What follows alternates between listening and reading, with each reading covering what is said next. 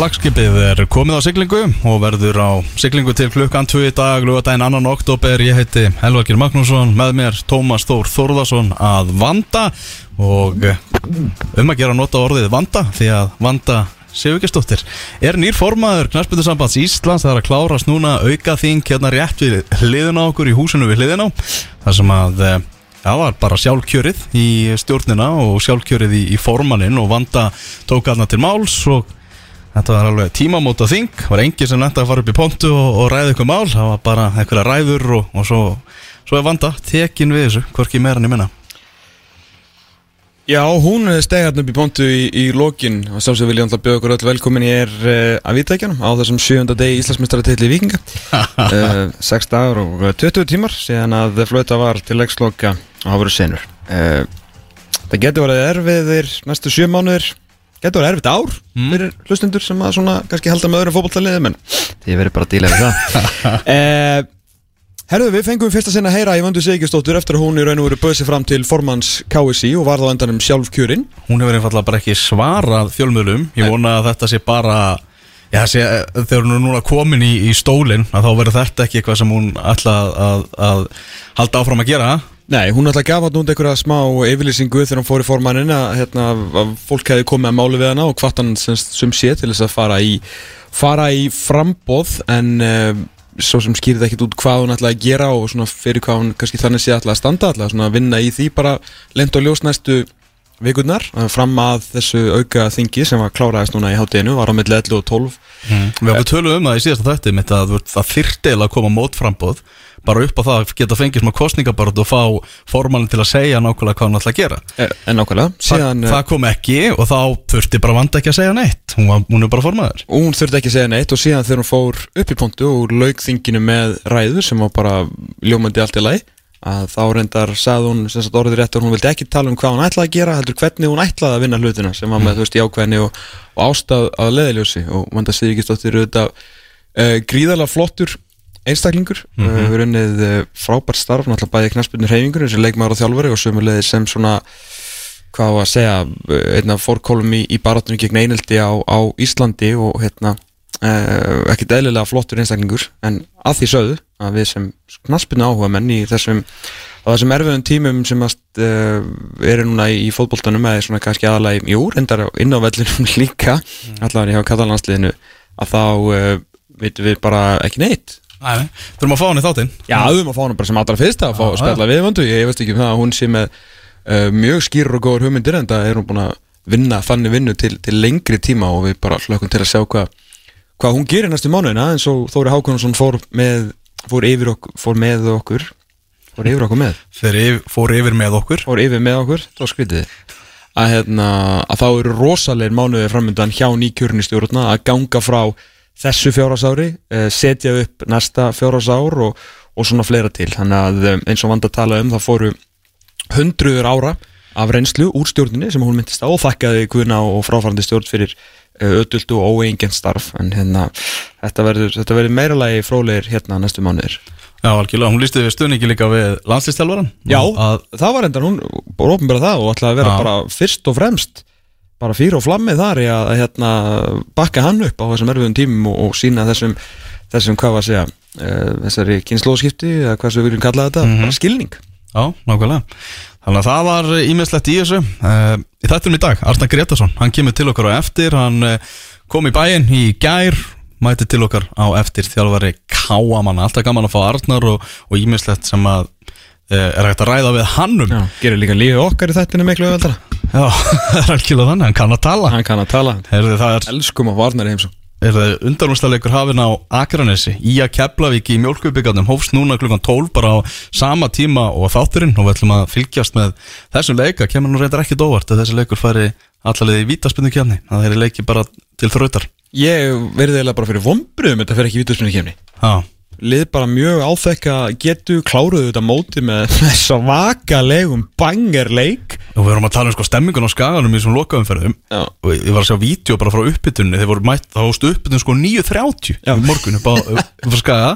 Vonum það, að allir lifi leikin af. Það var fullt af fólki hérna sko. Þetta er, hérna, er skemmtilegt, þetta er kannski svona Eðlilega þurftu menn að mæta á púpin klukkan 9 þar sem að leikur fyrir fram klukkan 12 afskaplega áhuga, veist þú af hverju þetta er? Nei, ekki hugmyndu það. Nei, ok En þeir, þeir eru náttúrulega í beitaðna leikirnir Svo 14.30 á mestarvöllum Já. Þá er náttúrulega uh, vestri á móti viking Íslandsmeistri Vikings Já, Íslandsmeistar viking sem vestramenn uh, bara get ekki spila heima á sér. Náttúrulega þvílitt svekkjalsi fyrir, fyrir Ísfyrðinga og, Alveg bara og vestfyrðinga bara. grátlegt. Og í raun og veru grátlegt líka bara fyrir byggar en að eiga ekki þessa minningu á teipi. Undan úrslita leikur uh, nýkryndir Íslandsmeistarar gegn því underdog skiluru öskubusku sögunni þú veist, ímyndaði stemningu við hefum fengið bílflautur, við hefum fengið stappfullan ólísvöllin með hérna fjörðin í, í baksinn sko, þannig að mér finnst bara aðlega leðilt bara þessa svona, þessi minning byggarminning verði ekki til og náttúrulega hundleðilegt fyrir hérna Ísfyrðinga sko Já, Arna Gunnlaugsson talaði mitt um þetta var bara orðið svo spenntu fyrir því að fara til Ísafjarðar í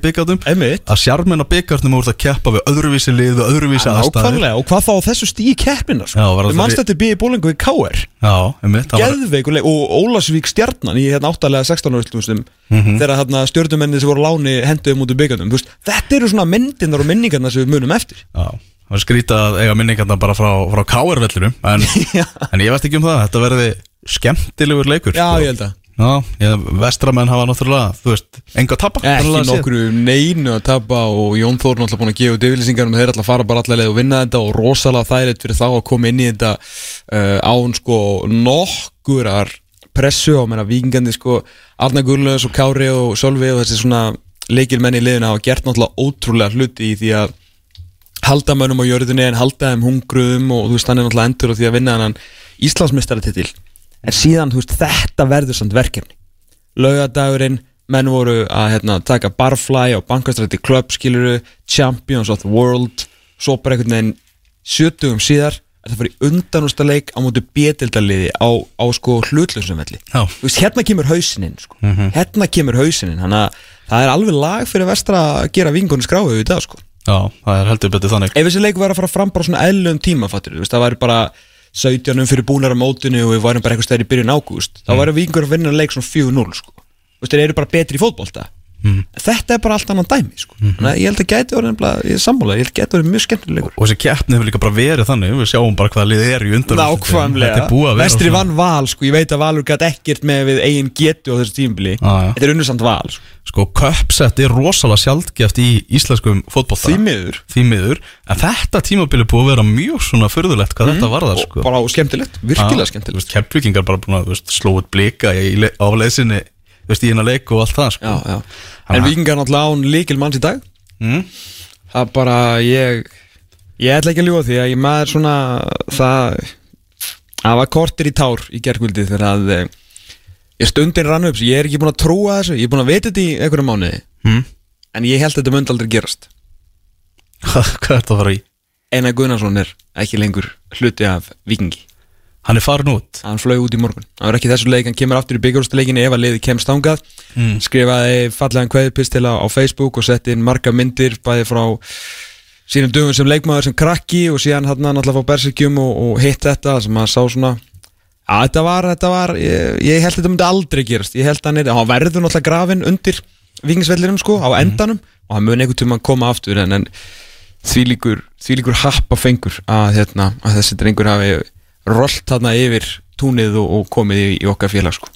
besta sem að hann er það besta sem við höfum búið til sko. það er bara þannig. Algjör Algjör tópmaður. Gunnarsson. Bara allir, allir sammála um það. Uh, Ég ætla að bruna strax eftir þáttinn að sjálfsögðu beint á meistaravell á, á, á þennan leik. Auðvitað. Það er bara, nú þarf bara að nýta hvern einasta fótballtaleik sem maður getur farið á sko, því að það er ekki mikið eftir á þessu. Nei, nákvæmlega, svo bara niðurtalning í bósbyggarinn Svo er það bósbyggarinn og svo er það náttúrulega landsleikir, það má ekki gleyma því Aftur sprakk allt í háaloft annan landsleikja gluggan í röð þegar hópurinn var tilkynntir Já, og sko jafnvelum meiri látum en síðast eins og maður held að það var ekki hægt sko. Ég var alveg viss um það einhvern veginn að Arnar og Eðismári uh, heldur þeir var nú kannski farin í sigla svona aðeins sigla á, aðeins lignari sjó, að öldurnar væri ekki eins og brotsjór að þessu sinni eftir eh, allt hafarið sem var hérna uppi síðast uh, náttúrulega út af þessu broti Kolbeins og bara allri, allri umræðin í tengdi við höfum ekki tíma til þess að fara að gera það allt upp uh, núna. Nei, nei. En síðan náttúrulega kom þetta að uh, fyrirlið Íslenskan Allinsins, Aron Einar Gunnarsson uh, var ekki valinn. Arnáð Þó Viðarsson segist uh, ekki á valiðan eftir mörg samtöl við hann. Mm.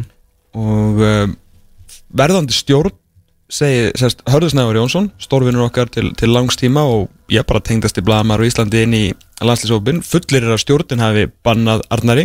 Og Við, vit, við þekkjum hötta og við vitum vel að hann fer ekki með svona í lofti. Nei, nei, nei, alls ekki, úr- sko. Úr loftinu sko. Alls ekki. Og hérna hann fyrir með þetta fram, stjórnin neytar uh, Arnáð Þó Viðarsson neytar maðurinn sem búin að hóta því að hætta ef að uh, það verður gripið fram fyrir hennar á honum aftur. Það var eitt moment í þessu sem ég tók sérstaklega eftir þegar að Ómar Smárasson uh, svona einn heiðilegst maður sem að maður hefur kynst í sínum ferðum. Það er mark í uh, á Akranesi. Gísli Lagstall Unnarsson er að koma í að yfir á tíundu mínútu. Stóðsending Ísak Snær Þorvaldsson. 1-0 í að, first blood. Viss. það er bara þannig. En já, Ómar. Hérna, Ómar Smárasson, hann svona ítrekkaði, tókst eftir þessu fundunum Mm. þegar hann svona hálfpartin greip frammi fyrir Arnari til að því að Ómar er alltaf bara fjölmjöla fullru og hann er ekkert að blanda sig í þetta sko en hann svona sérstaklega svona setti höndina fram hálfpartin greip frammi fyrir Arnari til þess að ítrekka að verðandi stjórn hefði ekki komið þessum máli neitt við Mm. þannig að síðan kemur yfirlýsingi frá Aron Einari sem að telur það að verðandi stjórn hann alltaf veit það ekki en honum, hann skrifar þannig að honum finnist það líklegast Já, já. að verðandi stjórn sé að eitna, taka fyrir hendurnar að setja sér stólinn fyrir dyrnar hjá að Arnar og við sinna að velja hann þannig að þarna eru við komnir bara í sko atrið í hérna í The Office sem er nú mjög vinsalt að minnast á þegar menn þeir eru voru hann í Bissó allir að benda Bissun á hvort annan sko sem er svona eitt vinstalast að gefið á internetinu. Það er hver að höndin upp á móti hver annari og veit enginn hver að segja satt. Nei. Náttúrulega risa stór yfirlýsingi á Aroni með fyrirsögninni se- settur saklust til hliðar í nýrri útilokana menningu KSI og hann segir þar meðal annars að hann hafi aldrei beðið Arna þó Viðarsson um að verja sig eitthvað eða hlífa sér í, í umælum sínum og segir náttúrulega þetta orðrétt hafi einhver eitthvað út á mig að setja þá byrði viðkomandi vinsalast að hlífa mér ekki ásaka mig frekar og nafngreina og gefa mig kost á að verja mig. Það er heiðalegt Já, heldur fram þarna sakleysi sínu en settur út úr landslisópnum Arnáð þú við að svo segir að hann hafi gert það það talið að stjórnin hafi gert það þetta er bara sko þessi fundur andrúsloftið á þessum fréttamannafundur bara andrúsloftið á fréttamannafundunum núna hjá landsliðinu er mjög skrítið það er væga sagt. En, en hver einast íþróttafréttamaður sem var í salnum á þessum fréttamannafundi núna á 50 daginn bara gerði sig grein fyrir því að það var ekki verið að segja sannleikan á þessum fundi. Það var bara féluleikur og engin reynskilni og það eða bara svona sló mig eftir fundin að, og bara pyrraði mig að við sem bara komin einhvern veginn í það að það hafi verið að hilma eitthvað yfir þessu eða ekki verið að segja sannleikan og Já, kannski ekki fullan sannleikan sko já, þú veist, bara freka sig það ekkert heldur en að ljúa, sko. Já, þú veist, þá erum við að kvartið því að væri ekkit sagt sko, aðstæðan sem Arnur Viðarsson ég er náttúrulega svakalega slæm en það er ekki sem fyrirgjöf það að vera samt ekki að segja hérna allar sannleikan eða bara, eða þá að skrökva ef, að- ef hérna svo er Já, staðan, en málið er að það bara veit engin þú veist, það veit engin hvað er satt og rétt í þessu, sko. Nei, það, er, það er málið, sko.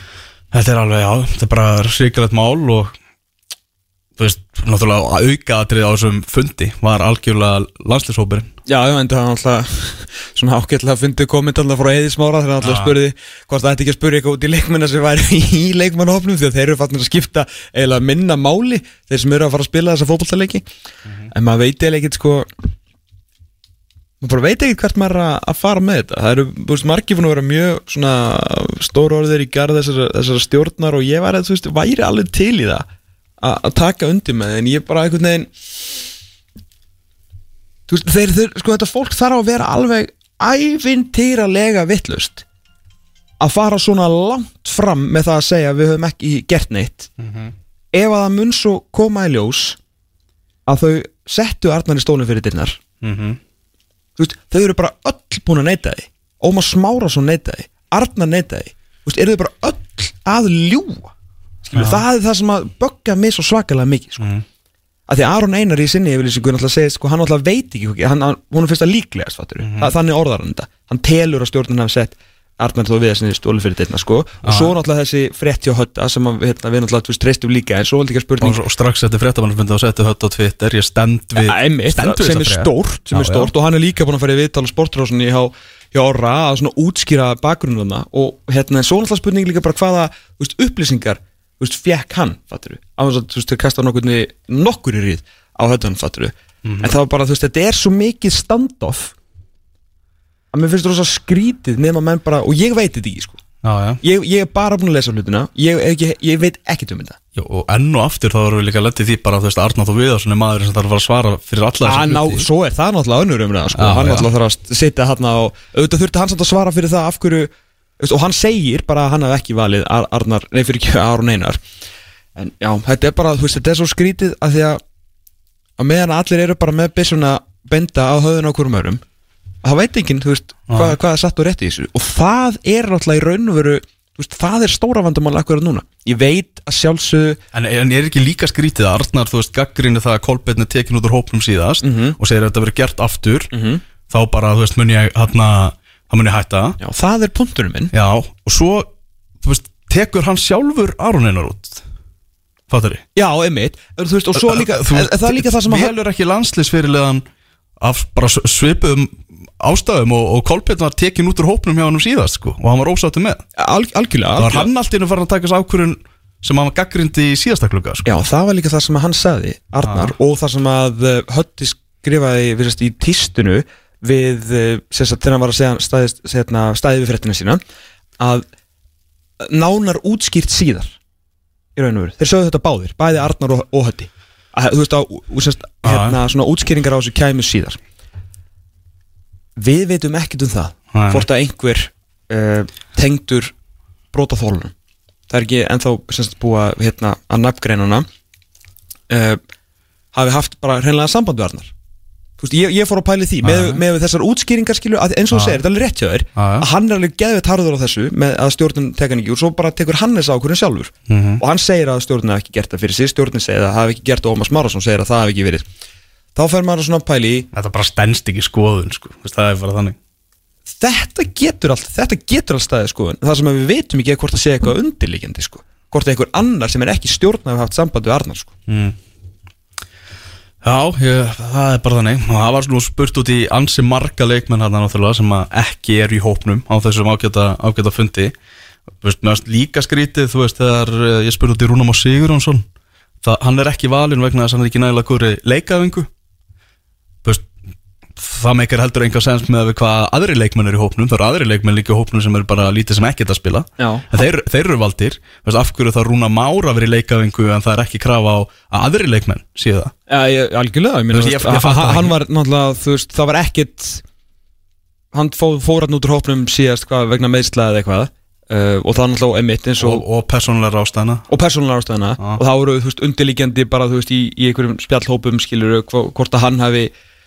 hvort að hann hann hérna væri með einhverjar, einhverjar beinagrindur í skapnum skilur, svona ósangjart kannski að segja núna upp á því að þá kannski fyrir fólk að íta undir það að ég er íta undir, en ég bara segja að veist, þetta var umræðan þannig að það var fólk var mikið að spá í af hverju hann væri ekki í hópnum og núna er hann einhvern veginn ekki nægilega mikið leikafingu eins og þú segir þegar kannski aðrir hafa spilað jafn mikið þannig að þetta er, er allt mann. en svo náttúrulega eitt í þessu, þú veist, það sem ég var að segja var með, þú veist, þessar undirliggjandi ástæður fyrir Arnar velur ekki Aron Einar Mm.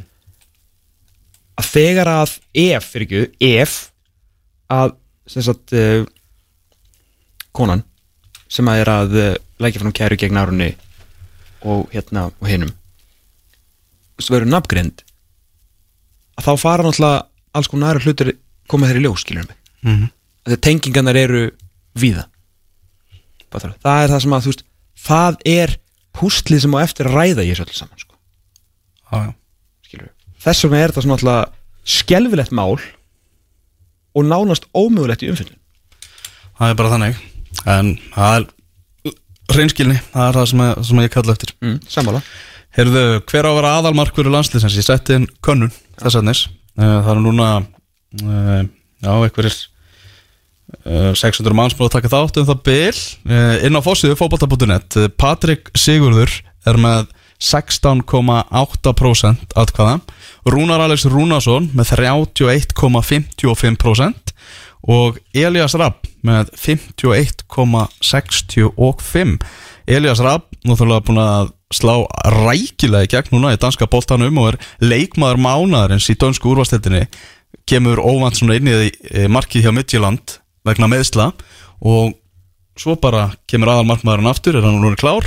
Nei, nei, þá er hann bara ekki lengur aðalmarkmaður því að Elias verðist vera bara orðin aðalmarkmaður Midtjylland. Sem er reisastórt sem er risastór Þetta er reisastórt því að eh, FC Midtjylland í dag er annað, stærstu, annað þreimur stærstu klúbunum í Danmark á svona hérna, uh, meisturum Bromby og uh, FC Copenhagen. Midtjylland náttúrulega bara búin að setja nýja viðmið hérna í svona bara talent scouting veistu, og vera bara hluti af þessi Midtjylland, Brentford, hérna, dæmi öllu saman. Er bara, er bara frekar stór heiður sérstaklega fyrir unga menn í dag.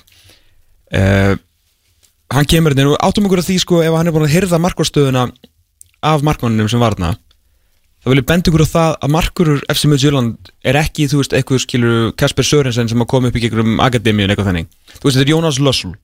Hann er með Premier League reynslu sko. Þú veist, að fá hann tilbaka í danska bolta hann var stórt, þannig að þetta er, þú veist, frábær markurur á skandinaviskan kalibur, frábær. Inn kemur Elias Arn Ólafsson herru, hann fæ bara ekki á sig mark ég horfði á hælandin úr hérna FCK leiknum þar sem voru manni færri Mhm. ég veit þetta var rosalegt sko. hann þurfti ekki að vera einhverjum svakalögum vörslum en bara sjálfströstið þegar hann sveif út í tegin og var að kýla og grípa boltan ég get bara rétt ímyndað með það að sko varnamönum með Jörland þegar leið bara eins og þau væri bara svona, undir svona cozy tepp það var svo þægilegt að vera með hann fyrir aftan sig sko. 21 ás uppalinn bleki þessi strákur já, svakalega hæð og flotti strákumæður og hérna ég Myndið þú veðja á hann bara sem aðalmarkmann núna þegar hann er sér hættur það er stórkostlega galið að hann byrjar ekki báða þessa leiki núna. Við hljótum að vera vel, ég veit að þá eitthvað þú veist vera ala rúnar Alex upp í þetta en hann er bara ekki heit hönd núna sko. Já, Rúnar Alex er ekki búin að spila í Belgíu búin að vera á bekknum það nákvæmlega, hann er lánaður til Belgíu þegar hann kennst ekki að hjá Arsenal svo sem við vissum að hann fekk hann sitt tækifæri. Þú veist, fýtt markur og allt það en við hljótum að velja mannin sem er bara besti markurinn í Danmörku núna og það er ekki eins og að sé eitthvað minna uppsett í honum. Hvað er hann mörgum árum yngri heldur en Rúnar? 6 árum yngri eða eitthvað, Já, um það bil. 5 eða 6 árum, sem 2000 2001 mótil, er ekki báða 2001 markurinn okkar? 21 ás Já, þú veist, menn á Rúnar 95 mótel mm -hmm. hann er ekki krakki og þú veist, bara það, það er eitthvað verulega skrítið ef Elias Arn Ólafsson spilar ekki að En mestu eins og Arnar Viðarsson er, er að tala þá ætlar hann ekki að hafa aðalmarkmann bara Nei, þess, þess þá heldur þá lætur hann Eliasson spila þessa líki Já.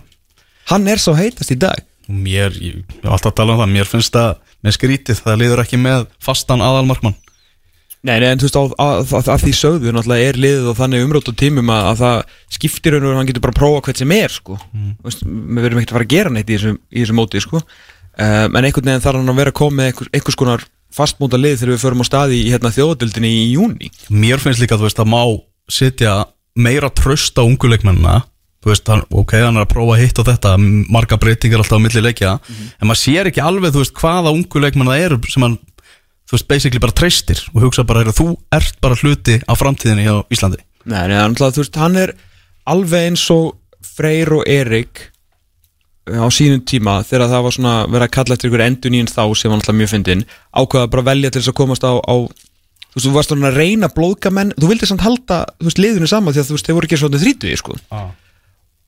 Nú er náttúrulega Arna líka að reyna að blóðka ungustrákana en það samt er líka að reyna að vinna fótbollaríki sko, því að enda með, þú veist, eitt eða tvö eða þrjú stig náttúrulega lítur bara mjög illa út sko, en ég er sammálaður já, þú veist, þá til, eh, þú veist, bara Jóndag Þorstins sem, sem dæmi Já. Sem einhvern veginn bara fekk ótrúlega lítið að spila í síðasta klukka Þú veist, hann er framtíðin og hann er veist, búin að vera í þessum hóp núna nokkuð lengi. Jóndaður Þorstinsson er ekki 12 ára sko, hann er 22 ára gammal hann, Já. fyrir, veist, hann startaði þjóðadeldaleikina mútið Englandi Já, já. og svo hefur hann alltaf sérst síðan. Eitt umtalaðasti maðurinn í danska boltan í stöðunni núna bara á íslenska landsliðinu og bara í þessu, þessu uppbyggingafasa sem er í gangi Mm. veist, þá á bara Jón Dagur að vera einn af fyrstu mönnum á blaða, það mínum að þið er búin að vera geggjaður í Danmörku líka svona með skemmtilegt attitude og Já, er, gerir hlutin sem það þarf að gera til þess að vinna fótballtaleikina bara, bara orðin svona stjarnar í dönsku deltinni Ég held að Elias Rafn Ólafsson sé næsti markur í Brentford. Já, Ég er bara á tilfingunni, þannig hann er bara það góður og hann er það ungur og þeir þetta er náttúrulega loftbrú hann á milli. Ég veit að sko Patrik Sigur er náttúrulega þú veist Brentford markurinn en uh, hann er á láni Noregi núna. Bara ef að ég get alveg síða þegar David Ræja verður seldur endanum frábæð markmaður, þú veist hann verður ekki Brentford heilu við töluðum náttúrulega við Patrik hérna í þættinu um að sem hann var að tala um náttúrulega hann og Elias að hann hefur alltaf, Patrik verið alltaf verið á undan honum Já, já. Og ég meina þú veist og Patti er náttúrulega stórkostlegur á, á síðustu leiktíð fyrir upp með þremur fótballtaliðum sem er í sko tveimur löndum sem á ekki vera hægt. En náttúrulega gengið alveg frábælega en síðan bara þú veist Þetta er bara pendullin skilur sveiflast frá hæri til vinstri og hann er Elias megin akkurat núna. Nú er hann heita höndin. Mhm. uh, og ég held að, kemur ekkert óvart að Elias Ragnar Ólafsson er allt í einu óvand næsti íslendingurinn í Premier League sko. Við höfum alltaf nóga markurinn. Já, heyrðu, þurfum við ekki aðeins að ferja að segja stopp núna sko? Er þetta ekki komið gott? Jó. Heyrðu, við eigum alla Við höfum aldrei hæri bakur, þau erum ennþá þú veist að murkast hérna á byrkigreinu sem að vill nú bara vera heima að horfa á svo leiki hér sko. Hérna, Fyrst hann er komið með 100 ég finnst hann er komið með hundar skilja einu alltaf frábært að byrki mána. Herru, við fórum úr því eiga bara engan í að eiga Hannes sem, sem heldur betur hérna þjóna okkur vel. Herru, nú eigum við Rúnar Alessónusson að mála hjá Arsenal. Við eigum besta markurinn í dönsku úrastildinni Við eigum uh, hérna Patta líka sem að er náttúrulega að spila í, í norsku deildinni núna og bara búin að vera algjörlega frábær. Uh, maðurinn sem er að fara að taka við keflin í 121 landsliðinu sem er búin að vera í sko harkinu eins og kongurinn sem hann er Jökull Andrisson sem er núna að fara að vera stjarnanan til 121 landsliðinu því að það er annar risi á ferð sem er frábær. Já. herðu, nei, svo bara mætir Hákor Rafn Valdimarsson, svona kannski svona glemdi markurinn okkar því að við vorum að spá hann rosalega bjartur í framtíð fyrir svona tveimur árum. Svo svona fór þetta aðeins í skrúina með gróttu hérna en fær samt til Elfsborg spila sem fyrsta leik í allsvenskunni, nei, heldur hreinu bara ég hef ekkert að gera við fimm markverði fætt á 2000 sko. Það er bara, er það er bara eitt sem á spila hverju sinni. Ég er að segja það, leiðilegt. Ég hef dreifið þess aðeins En er þess að geggja eiga allt í hennu bara stapp fullan banka af markverð þeir eru fimm leikmenn eru í hópnu núna sem ekki voru valdir í síðasta verkefni það eru Sveitnar og Guðjónsson þannig að þeir eru báðir hana, Guðjónsson bræðurnir Elias Rafn Ólafsson, Ari Leifsson Elias Már Ómarsson og Stefán Teitur Þórðarsson Ari Leifsson búin að spila vel fyrir strangusett upp á sigasti Já, og velunaðar fyrir það. Búin að vera maður leiksildi í tvisur röð eitthvað. Búin að vera hrikalega flottur. Já, Hannes Kári Átna uh, Arnór Sig, Mikael Egil og Gísli Eyjórsson sem að detta út úr hópnum frá því síðast. Uh, Kári, náttúrulega bara það er bara að klára hennar byggar með vikingunum Nei, það er trompast að Þannig að uh, Aron Þrándar ekki valinn. Er það ekki svolítið skytið? Jú, ég er náttúrulega slutræður og menn verða sko En hann er bara tölfræðilega einn af bestu djúpum miðumönnunum í dönsku úrhástildinni hann er, er 1.91 hann er miklu svona sterkari heldur en hann var. Hann er alltaf hann að leikmaður þegar hann var að gera grína að Pepsi Max dildinni hérna með að sóla menn og skora. Nú er hann bara buff á miðjunni sem hann bara vinnur einvi svakalega stórvinnur skjallæfi en hefur samt þessa fótboltahæfi líka. Hann er að haldast heill alveg bara til langs tíma í fyrsta sinn kannski langa tíma sínum ferli og búin að vera frábær. Var ekki, voru ekki opið að vinna einhvern leik 6-0 eða eitthvað í, gæri í gæri já. Þannig að ég er svona ég veit ekki alveg bara hvort þeir viti hvort Arnar veit af honum sko, en kannski finnst hann bara ekkert spes og ekkert fitt inn í mótil og hann er náttúrulega 94 mótil hann er ekkert unglamb ef við erum að tala um að skilur nota andrafannar og Ísak og svona, þannig að kannski vill hann ekki vera með 94 mótil sem að tekur stöðuna af, af þeim, þú veist ég er bara svona að pæla en Ég ætla að spá því að Aron Þrándar endi í hópnum. Hann var í kallaðarinn já, uh, já, það var bara, það var allan að gama fyrir mig að sjá, því að hann er búin að vinna Andri Fannar hefur eitthvað verið að glíma við meðsli Ég veit ekki hvort hann verið bara með í þessu sko. hann er bara út í atvinnumennskunni þráttur mikil meðsli að, harka, harka og gera vel núna í sjö ár sko. Veist, það er, það er tökur í þessum strák en Já. það er náttúrulega sonum pappasins það sko. Já, já, nákvæmlega. Þessi leiki er náttúrulega uh, verða hann á móti Líktenstein og Armeníu Báður á lögadagsvelli Fyrirleikurinn verður á föstudaginn og setni held ég á mánudaginn. Uh, Þetta er náttúrulega leiki bara sem við eigum að taka 6 stig uh, úr á, á heimavelli. Já, það skiptir engum máli hvort við séum hérna, já, armenarinn er alveg fínir skilur en, en á heimavelli þá, við erum ekki soknir það látt tráttur að, að heimsleysningar skísi að Já, já. sína okkur í smá frálsufalli að við töfum fyrir, að við náum ekki 60 gegn Lichtenstein og Armeníu sko. Það er nákvæmlega. Henrik Makaterjan með uh, Armeníu Mættur aftur? Já, ég hérna, uh, já, ég vonandi bara mætir hans hérna ekki endan sko. Nei, það er Það er- fínt að losna við hann sko. En þeir eru endar voru fínir í þessu leikarnum móti okkur sko. Þannig að hérna Það er ekki þar alveg óttast, óttast þá Og bera verðingu fyrir, fyrir þeim. Það er nú ekki langt síðan að armennar voru svona Ætlu að verða Svona nýja spútnigliðið í, í Európu sko. Að hérna, þeir réðu hérna leðilegasta mann jarðar hérna hollenska fitnessstjálvaran sem allt veit. Já, Rene ég, mann ekki hvað hann heitir nú. Já, já, já. Raymond fyrir hegin og hérna veit sitt fag en, og kann sitt fag en, svona er alveg afskaplega hrókafullur en það hollendingur. Og um, en það fór einhvern veginn allt í skrúinu hefðum bara á 0-1 sko. Og þeir hafa bara ekkert geta síðan sko. Nei. Heldur að verða einhverjir fjölmjöla viðburðir fyrir utan hérna blagamannafundin daginn fyrir leik hjá íslenska landsliðinu? Ekki sens Nei. Það er bara undir teppi. Ekki líka með hvernig Zoom-fundurinn fór hann að síðast hjá, hjá uh, Arnari og það er svo allt og mikið að þið vita alveg þegar það þarf að ræða alveg þetta aðhalsmál og skilur uh, eftirköstin af því, ég menna þú veist yfirlýsingi kom fyrir en eftir fundin og ég get ekki með nokkrum móti sé að það verði eitthvað uh, verði eitthvað mikið um, fjölmjöla viðbyrjuð, það allan stóð ekki til síðast hafliði breyfjörna og Kristú tafna einn Zoom-fund og ég held að það verði ekki nú Já, ég held að menn velja bara einbætið sér að þessu leikjum sko. Nákvæmlega, Arna Gretarsson er, er komin hérna í hús til okkar. Þetta er að jarðsprengju svæði kannski að, að tala mikið um það sem er í gangi svona í íslensku fótbolta hjá KFC Já, það er alveg rétt í okkur. Þetta er ekki, ég held að, að það sé ekki auðvelt að vera landsið þjóra í Íslands í dag. Um, tala ekki um það að, að hérna, nafni minn og, og Eyður eru kannski ekki með mikla reynslu á þessu sviði, þú eru hafið mjög mikla reynslu úr fótboltanum, en, en þetta er svolítið annar vettvangur og, og ég held að fyrir flesta uh, hérna, að lendi þessu að að að það væri ekki auðvelt.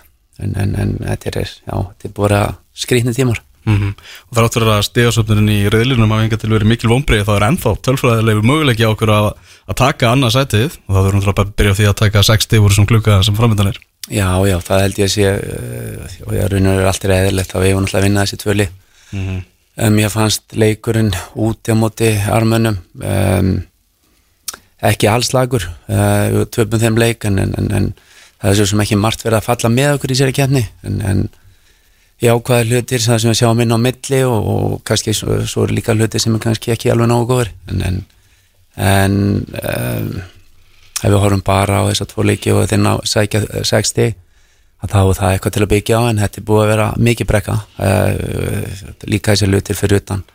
Við erum bara að tölum reyna íslensku þá er það náttúrulega ekki að hjálpa einum en einum og, og allt þetta í kringum þetta allt þetta er, þetta er, þetta er bara erfi mál og, og það eru bara breytast eh, bara tíman er að breytast og þá, þá þurfa bara sambundin að breytast með og, og hvort sem okkur líkar það eða ekki. Mm -hmm. og, og, og ég hérna það sem manni kannski finnst alltaf það er þannig að ég þekki nefnilega þess að drengi mjög vel nafna minn mjög vel, þetta er, er topp náungi og, og eru það líka. Og, og þetta er náttúrulega bara erfi staða en, en, en það er svona fyrsta kannski það sem maður hugsar alltaf um að, að þeir eru að fara í vitul og hana að, að það sem, maður myndi kannski segja að, að, að hérna, í svona ólgusjó, að, KSI skul ekki leita að einhverjum aðila sem þekkir hvernig á að koma fram í við slíkar aðstæður, hvað, hvað getur þú svara, hvað átt ekki að svara veist, og svo framvegis, þannig að þeir þurfa bara hjálp. Og kannski svona fyrsta regla sem maður hefur lært að ef þú ert í nú er kannski ekki sagt að þessum menn er að leita að höggum að mönnum. Og uh, þetta er ekki staða það sem allir er að byggja hvernig hann upp og, og, og þetta er bara erfi staða. Og þá er kannski svona fyrsta að, að þú, þú mátt ekki láta hanga á því að kannski segja ósatt nú veit ég ekki hvort að, að, að það sé búið að vera en, en það er það Það er alltaf ásakanar um það? Já, ég er að segja það og Já. það er ekki í fyrsta skipti. Og það er bara aldrei gott. Og, og, og það er svona og ef það kemur svo á daginn að það, það sé rétt að þá er það, þú veist, að því að menn er ekkit að hætta, menn fara að grafa og grafa og grafa og staðan er bara þannig. Mhm. þannig að það er ekkit langt síðan að, að, að Heimir og Lars voru með lið og, og, þeir gáttu farið á Ölver og tilkynnt byrjun lið og það fór ekkit lengra. Þannig að, að við erum komin á allt annar stað og, og, og það er bara miður en, en við þurfum að að reyna að grafa okkur út í því og, eitt er alveg að reynu að, að, að, Arnar og Eyður komandi út úr þessu að þeir, þeir eru búin að fá mikla reynslu að, þjálfa við erfiðar aðstæður. Þannig að þetta er eitt af því sem þú sem maður þarf að fá reynsli líka. Ég, ég ekki kynst þessu sem þjálfari per se en ég er búin að kynast þessu sem yfirmaður íþrættamála sérstaklega í Greiklandi það er bara þannig að, að það er hansi margi sem er að reyna að ná þér alveg sama þó að, að þó að uh, þú kannski gerir ef við getum litið að sé þokkarlega rétt að það mun alltaf ykkur vera á móti þér. En ef þú stígur vitlis niður og gerir rángan hlut og ert ekki heðalur eða, eða segir ekki rétt frá þá fara alla á móti þér. Þannig að, að það er svona skóli og, og menn þurfa bara að, að, og þetta sem er búið að vera í gangi núna er náttúrulega miklu meira heldur en já, ég held að séu fáið sem hafa upplifað eitthvað slíkt og, og, og menn eru svolítið að fara á nýja, nýja slóðir og, og, vonandi núna komið bráðbæra stjórn á KSI en ég held að það sé bara fram að næstu kostningum og, vonandi getum við svona aðeins rétt af skútuna. Maður er svona að vona það að fá kannski smá frið og, geta klára þess að tvo, tvo leiki og vonandi se- svo sex stig og, og svo vonandi þetta byggja eitthvað upp á. Það er byggja, byggja vona það. Mikið af flottum strákum að koma upp og það er svona spurning þó að við segjum alltaf með aðlið að, að þú, þú velur alltaf besta lið en, en á ykkur tímanpunti tökum bara þetta, þessa gull kynslu sem er búin að gera frábæra hluti. Uh, var það ekki tíð Óla Jó þegar hann fór að, að svona að taka ykkur að strákin með minnir að hann var þegar Jóli var með 21 og það var alltaf smá núningur þarna á milli þegar hann var að, að, að taka stráka upp. Og svo kemur þessi, þessi hérna, kynslaðabreiting þar. Og nú er kannski komið á, á, á annari slíkri. Þannig að Við allt öðru viss aðstæður Það er bara þannig. Þetta er náttúrulega sko, þegar þú ræður þetta svona tilturlega reynslu lítið þjálfara sem, sem, sem þjálfara sem við svona er vissilega alltaf hérna, svona gamla hann eftir hann við sínt náttúrulega frábælega svona hluti kannski á, á skrifstofunni sem við maður knastbyrnumála alveg spennandi dæmi við, og með mikla reynslu sem leikmaður að vera að þjálfa í yngri flokka og hérna alltaf undir 21 árs landslið og svona auðvitað býstu ekkit við svona stormi eins og gengur núna yfir. En það er svona eins og segir skilur að því að þeir að það er allt annað að vera leikmaður í svona stórmi en síðan þegar þeir þurfa ekki að svara fyrir jafn mikið og þetta er til dæmis eitthvað eins og þú komst inn á eitthvað sem þú þekkir með þarna svart gulu tíðindin þarna í, hjá AEK þú veist, 24 blaðsýður á dag bara um AEK aðeinu hversu mikið, veist, af því veist, hversu mikið bull er þar, skilur fyrir utan svona alveg örgulega fína pistla við og við, skilur við. En, veist, þetta er einhver einsla sem að þeir hafa ekkit veist, upplifað, Arnar svona sem aðalþjálfari sem þjálfari en þó, sko. Nei, nei, ég held að mjög fáir þjálfar að upplega þetta. að þessi stórmu núna er ekkert venjulegur Nei. og, og, og marst ekkert skilt við að nei. og það er náttúrulega ennþá erfiðara. Og því hefði verið náttúrulega rosalega gott fyrir þess að drengi að vera með eitthvað uh, svona reyndan bolta bara í hvernig á að díla við pressuna og hvernig hvað má, hvað má ekki. Þannig að ég held að þeir hafa haft gott að því hafa eitthvað slíka mann með sér. En, voru þetta með einn og rákan en það er hann mál. Jú, hver, Lalla?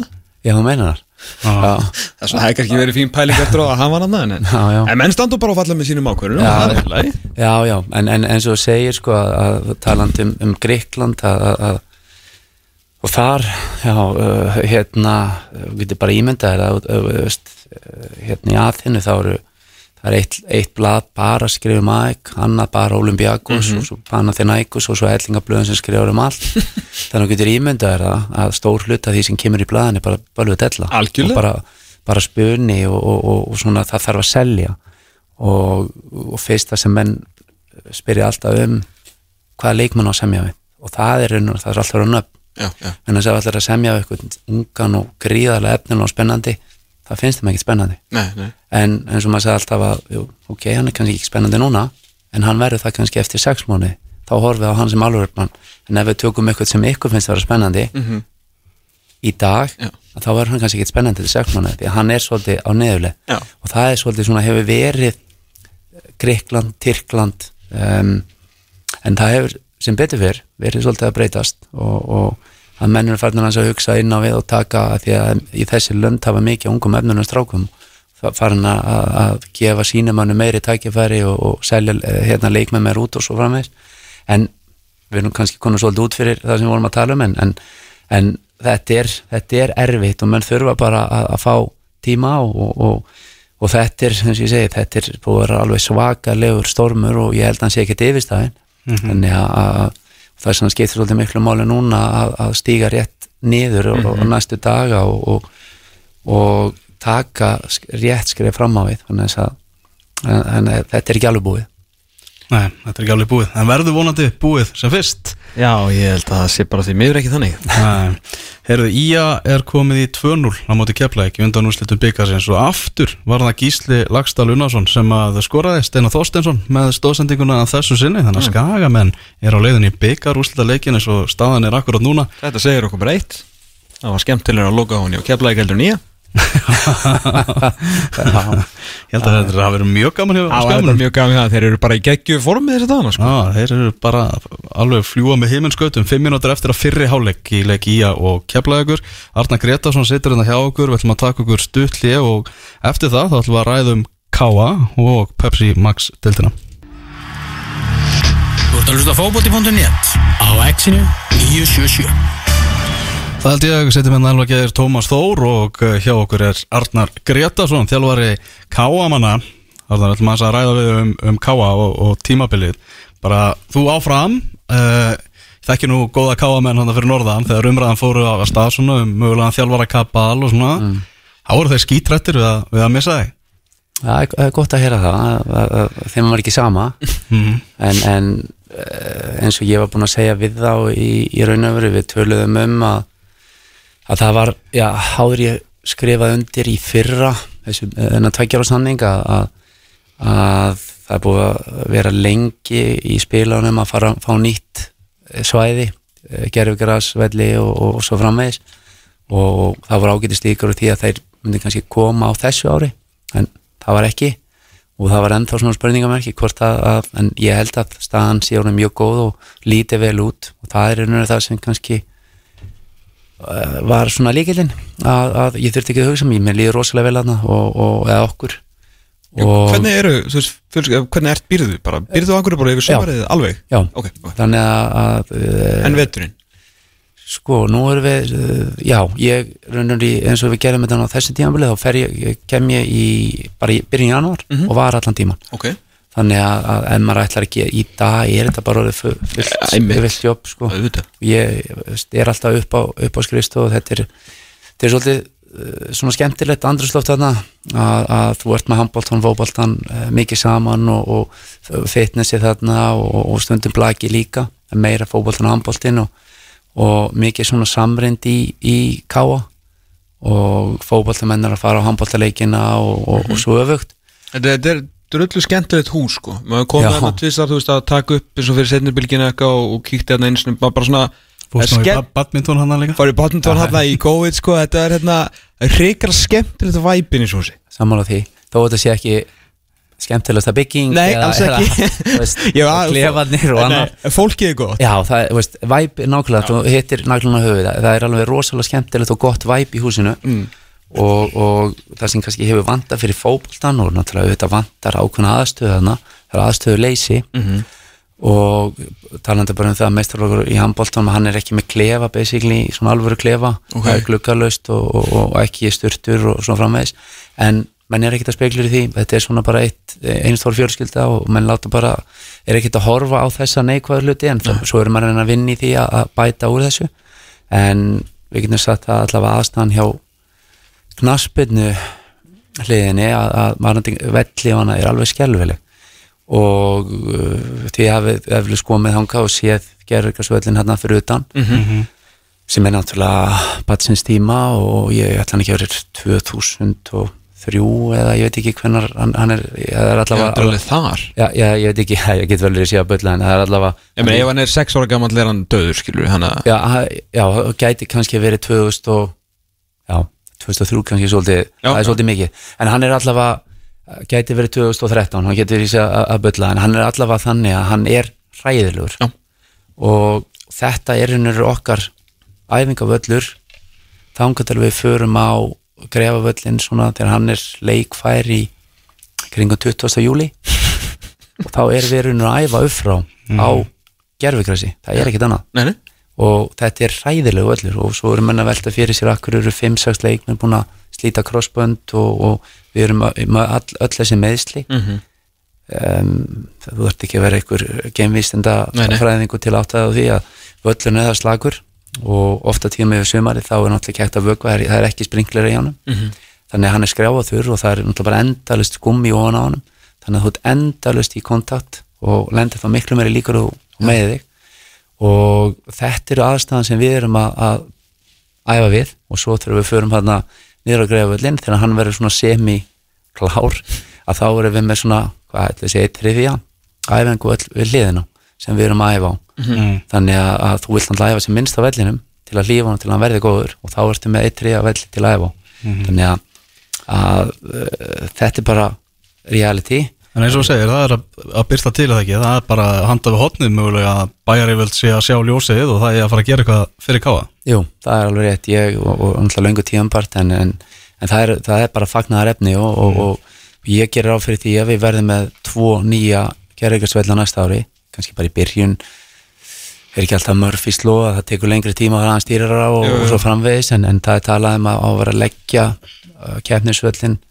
fyrstu vikun í apríl. Það tekur tíu dag að leggja grasið sjálf þannig að við getum satt fyrir kannski að í lók mæ ef allt, svo um það fyrir eftir vetri og hana En er það, þú veist eitthvað, er það Pepsi, Pepsi með, já, er ekki úrvalstildar völlur, skilur, þú Já, það verður bara eins og fylgisvöllur eða, eða, eða vikingsvöllur, bara sama. Bara al, alvöru völlur. og stúka, Já, það kemur og stúka ég verið að byggja hana í vetur, er það, er það stefnan? Nei, sko, það sem það, það er inn í þessu líka, Já. það kemur stúka líka.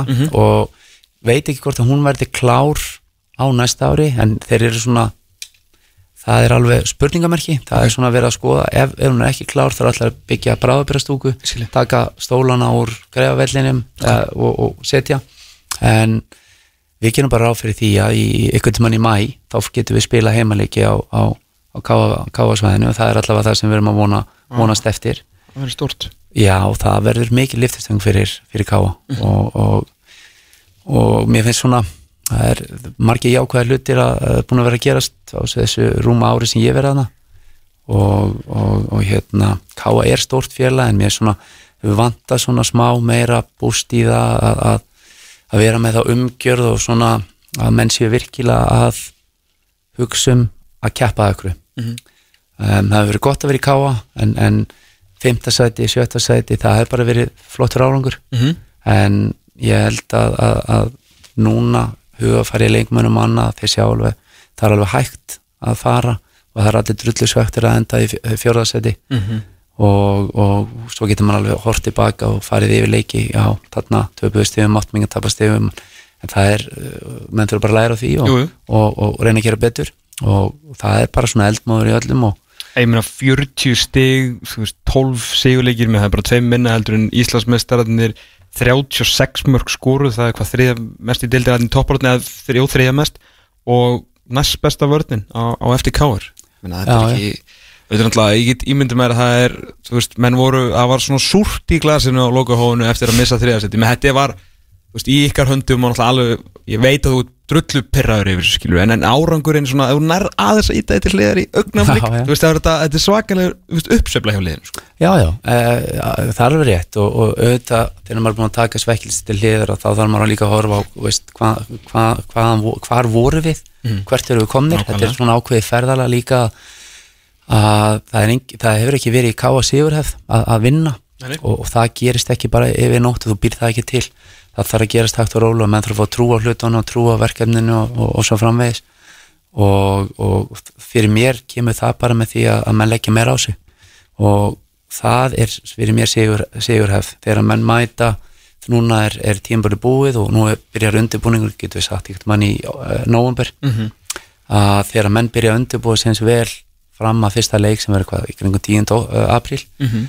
og gera allt til þess að vera í toppstandi að það, þá ertu komin að sér langt þannig að þegar menn leggja á sig og er að hugsa um mataræðu, er að hugsa um kvildina og aukaæfinguna og annað að þá veit ég það að við erum eftir að standa kvölu næsta ári. Og ég er bara fullu tilökunar fyrir því en ég veit að það er mikið ungum efnunum strákumanna með gríðarlega metna og meiri sé að ég bara tekið uh, það er að taka ykkur nút að strákur sem þið hafið talað mikið um veist, bara Hallgrimur Mar Mhm.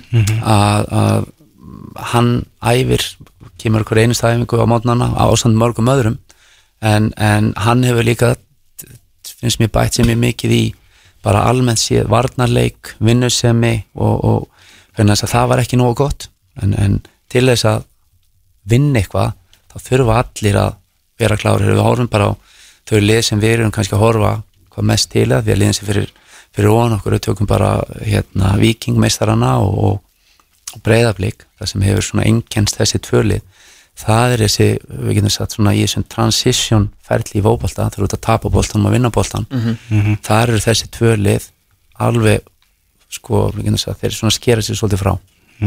Þau eru breyðablík, við getum sagt að þeir eru alveg exceptional í því að tapa bolta fljótur að setja pressu. Mhm. Vikingarnir mjög flottir í því líka. Virkilega erfitt að spila á móti þeim.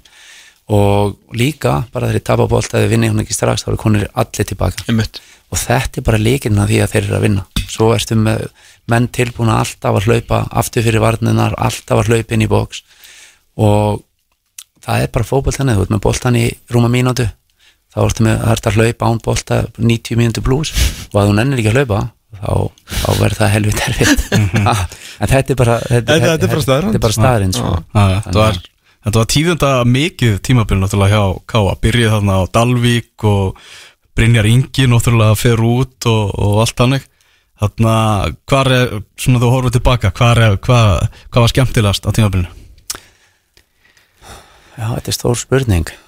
Mér fannst raunur, sko, það var margt eh, jákvæð, mér fannst gaman að spila Dalvík virkilega gaman, vel haldið utanum okkur eh, frá, frá hérna Dalvíkingunum, flott umgjör hjá þeim þrátt fyrir það að við hefum ekki safnað mikið að stigum hana, en brandarinn er samt sá í þessum, ég held að við spila fjóralegi uh, vinnum leikni svo er það vikingur uh, valur og káar en allir þessi leiki voru virkilega flottir hjá okkur. Við bara horfum á framistöðuna horfum bara á, á væskátskísluna og Já, sjáum bara góðir, ég sá alltaf sko. Þannig að, talandi um bara hvað hva stendur upp úr uh, náttúrulega virkilega gaman að sjá það að bara hvert, hvar Brynjar Ingi er komin. Um, það er strákur um, sem mætti okkur í einustu vorum það hefnir í, í Káa, við gáttum eftir oft á mótnana allan veturinn, þá gáttum við verið að vinna svona í einstæðansmiðum æfingum og hann var þvílitulur og mér finnst alltaf gott þegar maður getur tekið dæmi og þegar það er eitthvað sem,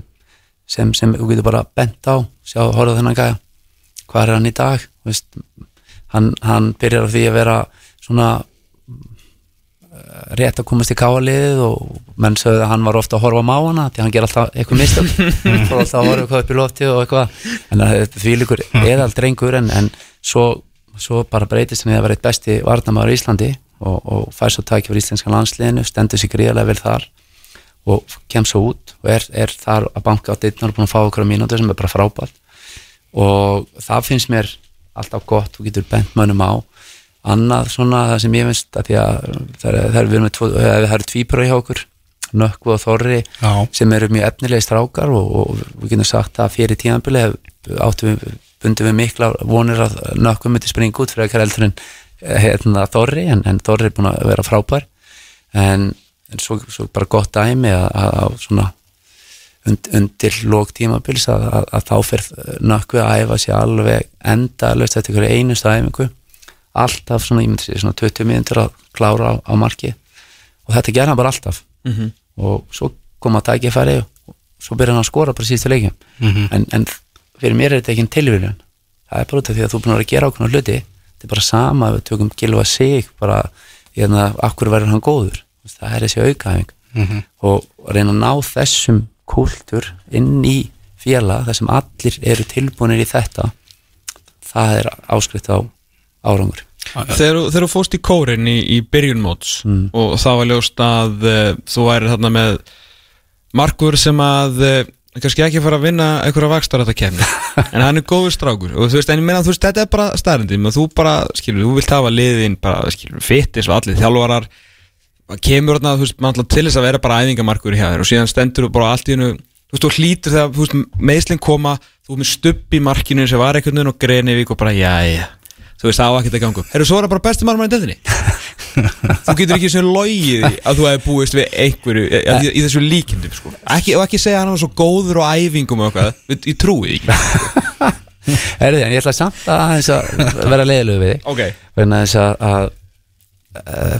við þetta er að vísu rétt að ákveðnu marki. Markmannstjálfarinn okkar hann bani, hann fór í panik. Það er bara alveg já. alveg bara tölur hérna í íslensku.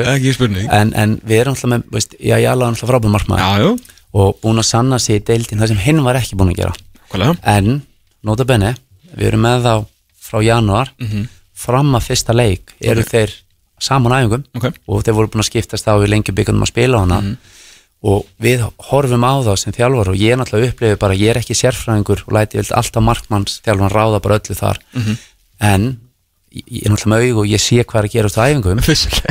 Og það eru oft svona leikir og stöttum mellir marka mikið á skotum og undan tekningar löst Mhm.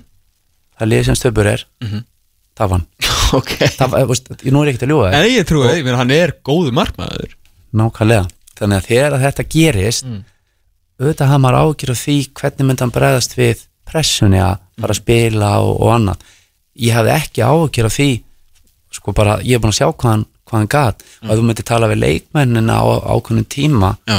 að þegar við vorum að fara að spila 5-5 eða uh, hvað sem það var þá myndir flestir kjósa að vera með honum í liði af því að hann bara lokaði markin hann er frábær í marki. Þannig að þú hafðir meiri áhugjur að hann var, yrði ekki hann sjálfur Bara- í, í fyrsta leiknum? Já, ég bara, Já, bara út af aðstæðum? Já, bara stressi Já, og, og, og, og maður sá það oft í leikjum af því að mér fannst því að uh, þeir sem þekkjast upp hann er frábær í fótbolta.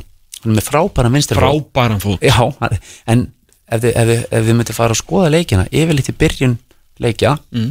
að þá vildi hann ekki, hann fekk að sé lítið fekk tölvuna tíma til að spila en hann yfirleitt bombaði boltan, en svo leiði eitthvað tími Mm. Já. að þá fór hann að líða betur og, en hann, hann var það klókur hann tók enga sjansa, kom sér bara inn í leikin Já.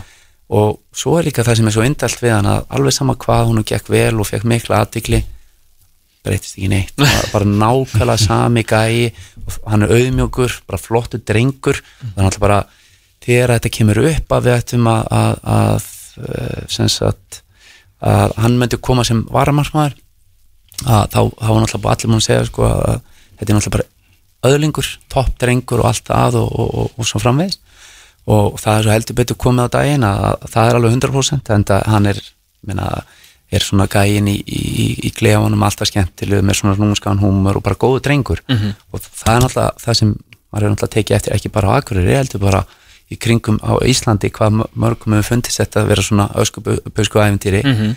líka bara hvað hann er flottur út af því að hann er ekkert að berja sér á brjóst eða hann er bara, ég er bara mæti marki ég er bara, veist, þetta er eins ég var að gera hann búinn að spila 200 leiki en bara í þriðið eftir Já, eða eitthvað, sem er kannski smá munur Mhm. en hann er góður í marki og það er alveg, en svo er, svo er bara spurning sko, hérna hvað ætla ég að segja að þegar hann kemst í ennþá betra form að þið voru að tala um að hann var ekki að vinna en hann vaksar þetta ekki Nei, nei. en, en En viltu hafa hann eitthvað, þú veist, Nei. þú veist er hann, líður hann ekki bara vel eins og hann er núna? jú, jú, ég, ég er ekki að fara að segja að hann þurfa að vera eitthvað ég meina, ég vil bara hafa hann ef hann verður svipaður og í þessi ári þá er ég ánægður. Nákvæmlega. það er ekkit, það er ekkit öðruvísi af því að svo er oft farið í sko og þau eru út með eins og markmannsþjálfara mér er mjög flott að markmannsþjálfara hann er algjör prógægi Mhm. hann fer oft í litlaadriðin veist, sta, ekki stað sem heldur svona reyfinga, tækni aðrið og annað. Maður fer alltaf bara, heyrðu það er aukaðrið að þú ert alltaf að verja þá skiptir ekkit mál hvort þú takir litlu skrefin eða eh, rétt eitthvað mm því að það sem stupur er alltaf frábæri í. hann, hann er með góða staðsendingar yfirleitt alltaf á réttum stað Já. þarf ekki að vera með einhverjar hann aldrei með einhverjar vöslur þannig að það sem þið myndu dyrka Eitthvað svona sjóa Nei, nei. ég, ég hef miklu meira sem sko svona markvæða nörd, skilur Já. Ég hef miklu meira gaman að því að hann stendur bara réttu stað. Já, og bara grípi bótt Og grípur ekki flókið, sko. Nei, nei nákvæmlega. Ei, menn, sko, Einn á móti einum Já, hann er það er sem er svo ótrúlega impressið við hann. Og hérna, ég var að ræða við markverð sem sést bara fyrir sumar þegar við var að spila mútið leikni. Og það sem ég tók sérstaklega eftir þar og þar að boltin var að svífa inn á tegin að þú veist, hvað hann tekur, þú veist, boltin elskar hann sko. Og hann er bara svona eitthvað svona svartól og boltin bara kemur til hans og þetta er svo löst og ég var akkurat þessi mómenti að spjalla við markverð sem að gæti, eða gæti ekki verið besti markverð Íslandsögunar og var bara að spjalla við hann út af öðru máli sem vorum að ræða og hann skrifar hérna til þess að vitni, hann var verið örgulega brjálaður ef ég mun einhvern tíma grípa bolta svona effortless þá get ég bara pakka saman og hætt saman. Þú veist, þetta er mikið rós. Ja, er komið frá manni sem gæti verið Hannes Þór Haldarsson sko. þú Já, já, ég- þetta er veist, hann bara, þú veist, hann kemur bara út og er svo, þetta er svo létt. Hann, hann, hann lætur þetta líta út sem mjög, en það sem hann er kannski svona þegar maður, maður horfið til baka bara síðasta leikin okkar Mm. þar gerir hann, við getum sagt tvenn mistök, já, en það er nánast einu mistöki kannski fyrir utan einu mistök á múti val, vinnað á 1-4 Mhm. þegar hann fer fram hjá hann kemur út, hefði ekki að fara út og, og, og dúsan vera á, á, á línunni. En þú tekur bara heilt tíambil og það er oft líka í mörgum leikjum er hann ekkert að gera hjá honum en lendir svo í einni alvöru vöslu einn á móti einum sem er miklu erfiðara heldur en kannski að vera markmaður þess að múti að verja endalaust. Það er miklu erfiðara markmaður í liði sem er kannski meira með boltan og er dómarinandi svo fær það eitt alvöru upplöfu á sig eins og á móti leikni í, hérna þegar við unnu þá. Staðan var 2-0 þá fær, minnir að vera sól og breykir sér kennst einn á móti markmanni hefði getað opna leikin Já. dauðafæri, eina, eina færið í leiknum en þar var hann klár Háká. Það, það var ekkert að frétta í fyrsta leik, það var ekkert að frétta í þeim leik. Bara e, nánast engin færi og ekkert. En svo kemur bara algjör dauðafæri. Já. veist, í fyrsta leik, það hefði ekki verið gott að fara þar með ekkert stig. Nei, nei. en þá er kallið mættur. Og þetta er nefnilega rosalega erfitt af því að það er ekki margir markmenn sem geta haldið kúlinu Nei. og haft lítið að gera og svo bara performa þegar áþarf við halda, það er miklu erfira Þetta er svona, þú veist, þetta er last line of defense og allt það skilur við og þeir sem að vilja vera eitthvað vondi við minn mannst upp sko að því að hann gerir eitthvað mistökjur lokaleiknum sem að auðvitað mun allir eftir því. Já, og já. það er bara name of the game. En ef við förum bara, þú veist förum bara í júni, mæ með þess að á Dalvíku velli Já, já, Vítaspinn á 1950 Hallgrímur Mar sparkar hann eitthvað út í Svarvaradal þar er eitt stig, Já, já. þetta eina stig og þú viljum bara, bara fara í þetta eina stig. Evra, Evra bara sko, já, já. skilur þetta, er bara, Já, þetta er já. 22 leikir. Það er rétt og þeir gera mistök eins og stupurinn sko. Þetta, er, þetta, er, þetta er bara alveg hárið þetta því að ég meina veist, Stubbi gerir þarna mistök sem náttúrulega uh, verður að því við horfum á síðasta leik. Síðasta leikur auðvitað. En við getum alveg að tala um káuleikin við byrjuðum hann gríðarlega vel fengum mm. hellinga fínum upplöpu þegar hann var 11 mot 11 vorum sterkar aðalinn en svo fyrir við einu fleiri og við gefum þeim basically tvö mörg en, svo á, en ekki það, þar á beiti náttúrulega besta leiksin í í, já, en, en þar eru við að gera rosalega slæm mistök. Veist, í, í öðru markinu þar er Þorri ætlar að senda þversending og svo Jonathan gerir mistök þar. Og, og, og hérna svo Valur, tvö viti þar. Við, við getum alveg farið veist, þannig að það, það er miklu meira en, en það, Þetta er bara ferð að sagja allra Já, og endan já, með bara talið upp úr eins og maður sagði Já, já já, e- eins og með kostingarna talið upp og svo fyrir aftur að telja. Já, er þetta hefur hann bara að spila ykkur leiki aftur núna Já. þá bara skagaleikin í norðvestur. Já, já, það er svo leið maðurinn hann rétt fyrir framann stup, Dúsan, sem, að þú sækir og áttur náttúrulega frábært tímabil. Hann er náttúrulega að fara að byrja næsta tímabil í, í þryggjalegja banni. Já. er ekki strempi fyrir þjálfaran að vera með svona, svona dominerandi hafsend bara þú veist að þú verður ánast í fyrstu þrjáleiki mótsins á næsta ári? Jú, jú, það, e, þetta var svona þetta var ákveð, ákveðið sjokk þannig að við vissum alltaf fyrir að hann var búin að taka tvö rauð. Um, við getum sagt fyrsta rauðspjaldið hans 100% rauðspjald á móti FH um, svo far hann uh, móti stjörninu minni með hann fyrir upp, uh, upp í Emil jú, það er alveg hægt að gefa hann setna gula en mér fannst það samt svona en, en ok, ekkit vandamál mér fannst þessi spjöld sem hann fekk hann í, í, á móti FH sérstaklega fyrsta spjaldið var náttúrulega bara eitthvað grín en, en, en hann er í banni og það breyti, við, við getum ekki breyti nei. og það er blóðugt það er engin spurning, þú ert að undirbúa liðið og þá viltu vera með liðið sem er að fara að spila Mhm. og nú þarftu kannski að því að hann er líkil maður en hann er samt ekki að fara að starta fyrstu þreymur, það er ekki fyrstileikur, það eru þríleikir Mhm. það er bara slagt mikið Já. en, en mótið er núna 27 leikir og mótið kemur, það Já. koma þarna 5 leikir í viðbót og við þurfum bara að vera með hérna, þéttan hóp og, og, og það, það þýðir bara það að færa ykkur annar tækifæri fyrst við þurra á og, og svo er fótball þennan bara þannig að, að ef þú fær tækifæri og stendur þið frábærlega þá veit maður ekkert hvað Nei, nei, svo, svo er það, eins hans og allt það sko. Já, Já, já. Í að kefla það er ennþá 2-0 fyrir Ía þar á móti keflvíkingum. Kannski aðeins bara já, eitt svona súrasta þegar hortið tilbaka á tímabili á Káa lítur að vera þetta að tapi byggarnum á móti keflvíkingum.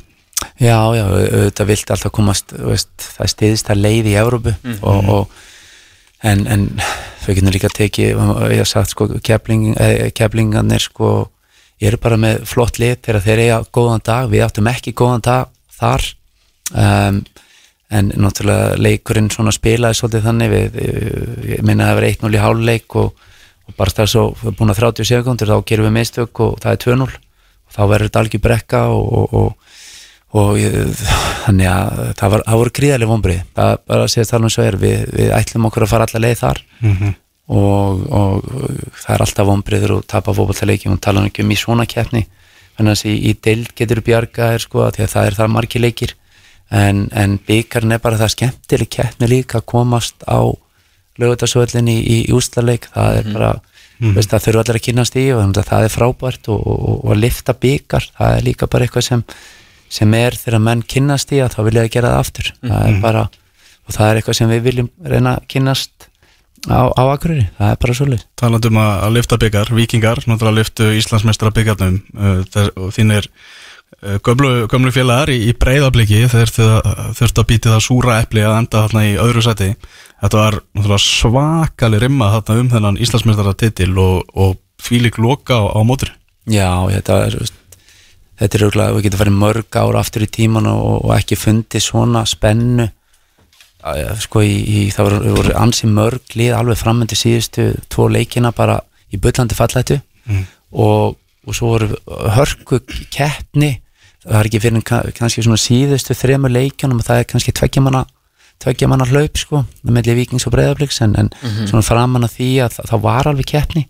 Um, þannig að auðvitað er þetta náttúrulega gríðarlega súrt fyrir breyðablík þannig að þeir voru á kapla náttúrulega spiluð hérna Evropuleikina gríðarlega vel og voru bara rosalega flott þeir skoruðu mikið af mörgum og, og, og, en samt varst alltaf með lið veist, vikingur og búin að vera rosalega flottir. Við spilum alltaf við, við þá hérna á mjög mikilvægum tímapunkti en þá voru, voru blíkarnir áruslega á sínu besta í sínu besta form akkur þegar við fáum þess að tvoleiki og töpum báðanleikin 2-0 og það var rosalega svona krúsjál moment fyrir okkur líka. Hefðu við náð í stig þar að þá væri við alveg klárlega inn í þessari til enda.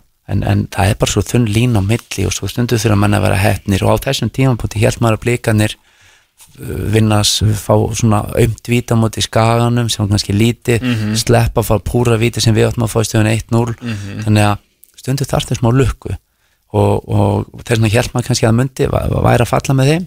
En svo var einhvern veginn, mér fannst Arna nafni minn tala þannig að, að það, það er skrifað einhvern veginn skíin þrátt fyrir það að vera fyrir aftan, þá tala hann alltaf þannig eins og þetta væri að falla með þeim.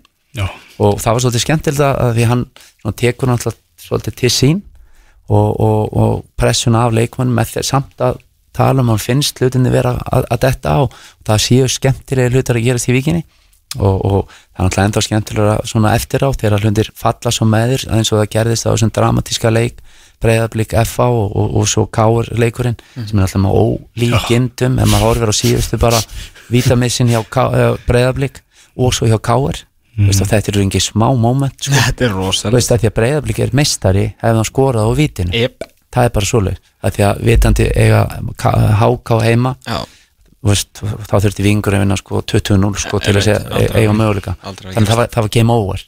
Þannig að sjá dramatíkina veist, það, það, þetta, þetta var þetta var alveg mólíkindum en, en Svo sko, þú veist, það kannski glemist í þessu, ég veit ekki hvort það heyrist þarna, þetta er, þetta er kongurinn. og, og það er oft talað um einhverja vinnira sem bara það sem vinna einhverja, þú veist, vinna titla og svo framins en þetta stýst ekki um það, það er bara að þóla ekki að tapa og bara halda áfram, gera allt sem í þínu aldrei stendur til þess að tapa ekki leikjum og það er svo sannarlega til staðar í víkinni. Leiki Hvernig að þetta vikingur að tapa með þennan mann í liðinu?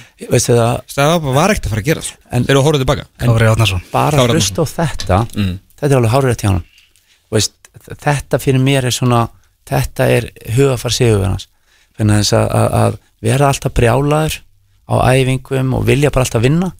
Líka maður bara, hlustar á hann líka bara því að Kári hefur komið núna við tökum bara fyrir síðasta landslýskluga um, þrjá leikina þá hann þar.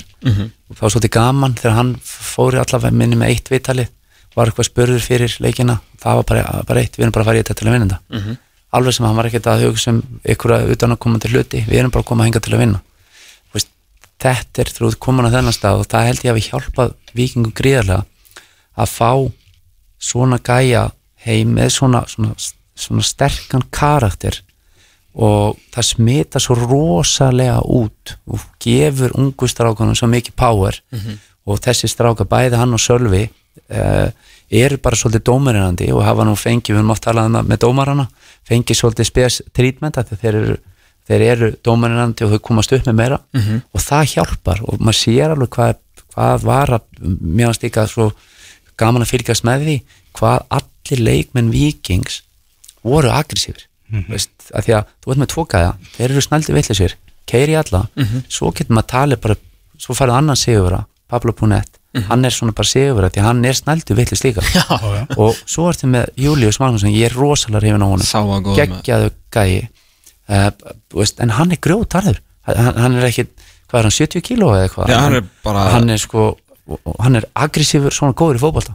Hörku fótboltamæður en við getum bara tekið ansi marg í liðinu. Það er, ég, ég Halldórsmára veist, eh, hérna, mér veist hann líka hafa tekið næsta skrif, hann er hann miklu, af því hann er alltaf verið góður í fótbolta. En hann er hann drullu aggressífur og keirir í menn og þetta er bara orðið DNA-ið af, viking Já. Það er bara, við töfum bolta, við erum aggressífur og við förum og látum hitt leipir að væla.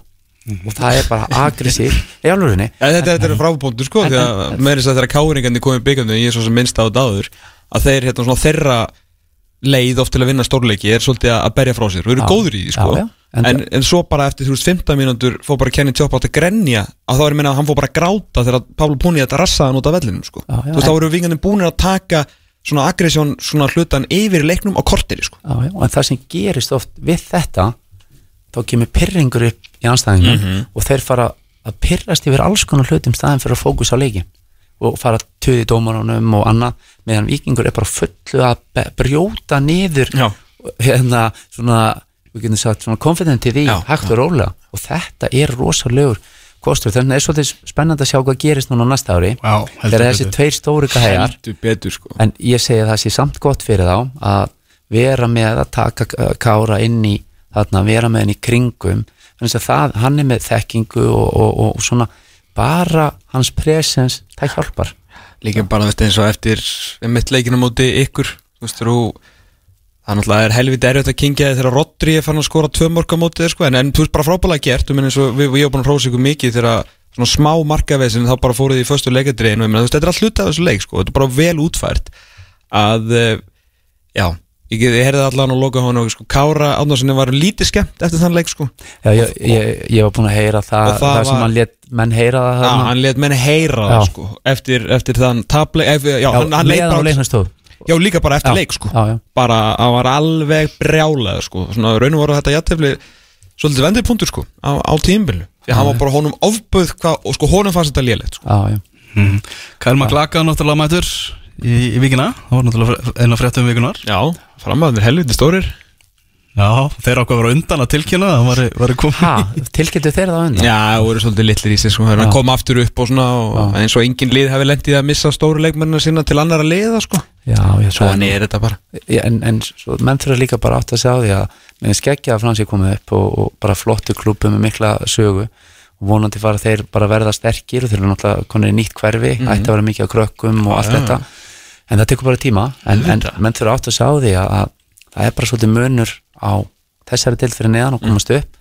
Svo er það að tala um Íslandsmeistarana. Það sem er hellingur að gerast að það er bara erfitt að keppa við það, það veist, þetta er ekki bara hér, þetta er allstað Þetta er allstað og þetta er bara sama vikingur kannski með flotta stráka það kemur ykkur bara líkuð frá Nóri eða eitthvað stær frá Skandinavi þá eru við litla lið Fæðu keðan þetta er bara svo leys þannig að nú er vikingur orðið bara mjög aðlægandi lið hér á Íslandi eitt af þessum liðum sem menn kannski vilja komast í spila skemmtilegan fótbolta, eru Íslandsmeistrar eru að fara í Evropakefni og það er rosalega meðbyrð þannig að aðstæðan geggið, veist þú ert að spila fyrir mér eru svona nokkri vellir sem eru bara mjög aðlægandi að spila. Við veist bara svæði, víkinandan er alltaf gott veður og svo ertu með fylgisvöllin, því miður þeir eru dotnir út. Mjög skemmtileg lautin, geggjaðu völlur og svona umgjörinn flott. Valsvöllun er líka skemmtilegu sko, það er alltaf gott veður og, og svona þetta skiptir allt máli veist, þegar þú veist að draga til þín leikmenn. Algjörlega, algjörlega. Þannig að, svo held ég líka bara að nafni minn hann, veist, að, að hann drægir úr til sín líka. Veist, það er bara, er bara flottur, kemur vel fram í öllum viðtölum og, og svo horfur bara á fótboltin sem liðir að spila. Var þannig ekki, að, var ekki Kæl líka að tala um það að Það verið bara síntal frá Kára Átnasinni sem hefði svolítið svona stíðu stórt skref í þessu. Jú, jú, hann talaði um það en svo náttúrulega líka má ekki gleyma líka að við erum aðeins að horfa tilbaka ef að náttúrulega Kjær Maklagan sko kemur í fyrra, gera þá samning út tímbilið hann gerir síðan samning í ár frá janúar og út tímbilið þannig að ef að framarðinu voru ekki búnir að sjá fyrir það, veist, eftir fjóra leiki þá séru bara við erum fara að vinna þetta mót. Ef við höfum engar ágjur af því, þá bara semur aftur við hann. Og þá var allan að fara ykkur pening fyrir hann sko. En ef að hann, annarkvort samti fram ekki við hann Já. eða hann samti ekki sjálfur að því hann ætlaði að leita, veist, eitthvað herra svona bara boltinn sko. Já, já, en, en þetta er svona aðeinsverð hérna, bara svona að ve- velta þessu fyrir sér þannig að þeir eru rétt hjá það því að framara voru með þannig yfirburði og, og ef þú veist með leikmannin veist, á öllum æfingum búin að sjá hann spila og svo framvegis þeir hljóta að vera greiðal ánað með hann. Ef maður sér að vikingur, ég er náttúrulega tekki ekki, ekki til hans ég hef ekki sér fram spila þannig ég tekki það bara ekki en fyrst að vikingur er að, að að þeir vissu þegar hann væri að leita að hafsendinu var að fara að hætta að þeir þurftu að þá, þá er þetta náttúrulega góða punktur að þetta er náttúrulega bara eitt í þessari umgjör bara í fótbolta það sem menn ofta á Íslandi, hún er ekki nógu góð. Menn er ekki að taka hugsa fram í tíman, hvaða leikmenn að renna út og með allar sína hlut á reynu þannig að þetta er klárulega leikmenn sem þeir eru örugglega vilja halda. Já, klálega, þeir eru alveg brjálaðir hans í farin sko. Já, að þá er, þá er það náttúrulega eitthvað sem menn þurfa að læra af og segja, heyrðu, við áttum að löngu búin að negla niður af því að ég er eiginlega viss um það að hefur þeir á miður tíðanbili komið komið samning og búin og betur að hann hefur öruglega sami við Ég- nema að hann var búin að heyra strax frá okkur um öðrum sem ég er ekki nefnilega viss um. Mér bara snemma á tímbilinu og, og þú veist, henda það okkur í klás þú allavega til þess að mjög getur fengið þú já. hefði alltaf borgað þrjásvara miljónir, fimm miljónir fyrran þá ertu komið með upp í uh, ágætis leikmann. Einmitt, það er mitt máli sko. Bara eins og tæm, að því voru bara, þú eins og með Nikolai Hansen þú það var komið með eitthvað 6-7 mörg menn voru bara að heyra, ok, wow, samið hann strax. Hann er komið nýja samið til 23 sko, og fullt af fleiri liðum sem gera þetta. Já, já. en þetta er svona eins og segir, bara menn eru já maður þurfa að vera tánum og, vera á tónum, já. Og, og þetta er líka, segi ég reynsla bara að vera í Veist, nú veit ég ekkit hverjir er að stjórna þarna eða hvernig hlutnir eru gerðir en að þetta skiptir bara máli. Þú þarft alltaf að hugsa árfram í tíman byrju, Já. hver er að fara út, hver eru líklega að vera áfram hvar þurfa að sækja leikmenn og svo framvegis svona þess að fótboltin ég er alltaf að vera meira og meira svona semi-pró að vera að borga leikmennum og það eru miklu pinningar í Evrópu mik að, að mikla keppa. Þannig að, að, að menn þurfa að vera veist, eins og þess að eins með þetta mjög gott skref hjá Viking að, að takin fótboltastrák til að kannski að huga að þessum, þessum íþrótta hliðinni mm -hmm. því að þú ert með frangundastjóra á ofta tíma, jú, stundum er þeir fyrirhandi fótbollamenn en þeir eru kannski meiri í peningamálum og, Jú, jú. og geta ekki sint henni nógu vel Nei, með marga bolt og loft í íslensku mýþrættafélugum það er bara svoleiðis Já, já. þannig að, að, að þú þarf bæði að vera að fylgjast með hvar eru skemmtileg eða góði bitar sem getur hugsanlega hoppað inn og vera þá fljótur Mhm. Veist, það er stór munur, maður áttast að því nú maður á akureyri, það er stór munur að reyna að lokka til sín leikmenn tangar Mhm. og svo hér, veist, ef þú ert, ef þú ert með þokkarið lið ef Káa væri í Reykjavík með þá umkjör sem við höfum þá væri mun auðveldar að sækja leikmenn heldur en á Akureyri, þó Akureyri sé mjög aðlegandi og ég, ég, veist, ég, ég er búin að kynna sig að vera hana okkur finnst það frábært að vera en það er samt þannig, þú ert að taka upp fara kannski með fjölskyldu og annað kannski einhverju konir í vinnu eða hvernig sem það er, það er bara tölvert erfiðara Mhm. þannig að Stóra fréttir á, á markanum bara rétt á þann þegar F-fáinga staðfestu að Kristinn Freyr Sigursson er, er búinn að semja við F-fáinga, kemur frá valsmunum þar sem hann var að renna út á samning þannig að hann er mættur aftur í, í fangið hjá Óla Jó Reyndið þú við Kristinn Freyr? Ja? Nei, við vorum allavega ekki konið svo langt við, við erum að vísu, sko, við getum sagt að, að miðursvæði hjá okkur og mér skriftin fyrir frábæð leikmaður mm. átti sér ekki sitt besta tímabil núna í ár eins og bara flestir í val Mhm. en, en samt skrítið þeir voru á tóttum í langan tíma en, en eins og þið kannski og, og fleiri töluðu oft um að þeir voru kannski ekki að spila besta fótboltan og það svona svo bara einhvern veginn svona dvínaði undan þessu uh, en ríkilega flótti leikmaður og það er leikmaður líka sem hefur ákvæmna svona eiginleika, síðustu sendingar kemur sér inn teg, hann spilar alltaf fyrir liði þannig að mér finnst það mjög, mér finnst það flottur uh, flott múf hjá FH en talandi okkur, við, við erum bara við erum ansið vel settir. Við erum með, við erum alltaf með Rodri við erum með ungan strák sem er að koma mjög efnilegan strák, við erum með uh, Sebastian Brebels Verður hann áfram? Já, hann verður áfram. Ok. og svo erum við með Bjarna, við erum með Daniel Hafsteins, við erum með Svein Margir sem er svona spurningamarkja því hann er að fyrir verkfræði. Um, þannig að veist, ef þetta fyrir verkfræði hinga þá er það svona, við erum bara svona skoða maður en það er gríðarlega efnilegur strákur sko. en hann Þú líka býst svona við í grunninn að vera með svona, já bara nána sama lið sko, já, við getum sagt að, að því að við erum þokkalega vel mannaði líka fram á við en, en ég gerir líka ráð fyrir hans og með Elvar Freyr eh, Elvar Átna Hafstens, ekki Elvar Freyr hann er í blikunum en að eftir svona nú kemur annað tíðanbel eftir crossbönd Mhm. og hann var flottu núna en, en uh, ég á vona því að hann var enn betra næsta ári. Að þannig að og maður sé bara uh, með, með Áskei Sigurkes að tímabilið undan þessu það var ströggli á honum og, og nú var hann flottur og vonandi geta þessi strákar bara haldist heilir og bætt ofan á. Og svo erum við með náttúrulega búin að fá strákin frá Þóran Jakob mjög flottur strákur, efnilegu strákur við erum með Nökkva, við erum með Grímsa þannig að við erum með fimm menn og svo er náttúrulega Steinþór sem, sem er náttúrulega runnin út á samningan og hérna, hérna hans í gamall en hann hefur alltaf verið, veist, ríkala flottur drengur og alltaf, veist, svona náttúrubann, þannig að að við sem að sjá hvað, hvað verður með hann en svona við erum eins og staðan er núna er ekki aðal áherslan eins og staðan er þarna, það er miklu frekar tilbaka að, að Mark og Mikkel eins og staðan er þetta, þeir náttúrulega er ekki með samning Nei, en það er mikill vilji, ég held bæði hjá Mikkel og, og, og, og okkur að hann verði áfram, það er flottur leikmaður, en svo þurfum við bara að skoða eins og með Mark eða með eitthvað, eitthvað bakverð, Ranna náttúrulega er í crossböndum og spurning hvernig hann kemur tilbaka. Uh, veist, þannig að hann slítur ég held eitthvað með enda júni eða byrjun júli þannig að ofta tíðum í Íslandi er þetta allavega tólmánuðir en, en hann er að vísu þeir bræður eru gerður úr okkur höðru þannig að ég veit ekki alveg hvernig. Uh, og þeir eru alveg ótrúlega sko, hann var byrjar að gera æfingar sko, ég held bara fjórundum eftir aðgjör sko, veist, þannig, að, þannig að ég get alveg trúið að hann verði kannski klára á nýjum mánuðum. En, en það voru bara komið ljós þannig að þú vilt, þú vilt, þú þarft að vera með backup og, og, og þannig að við erum klárlega fyrst og fremst að leita bakverði og hafsend. Og svo held ég að við styrkjum okkur allavega, allavega meitt leikmann fram á við.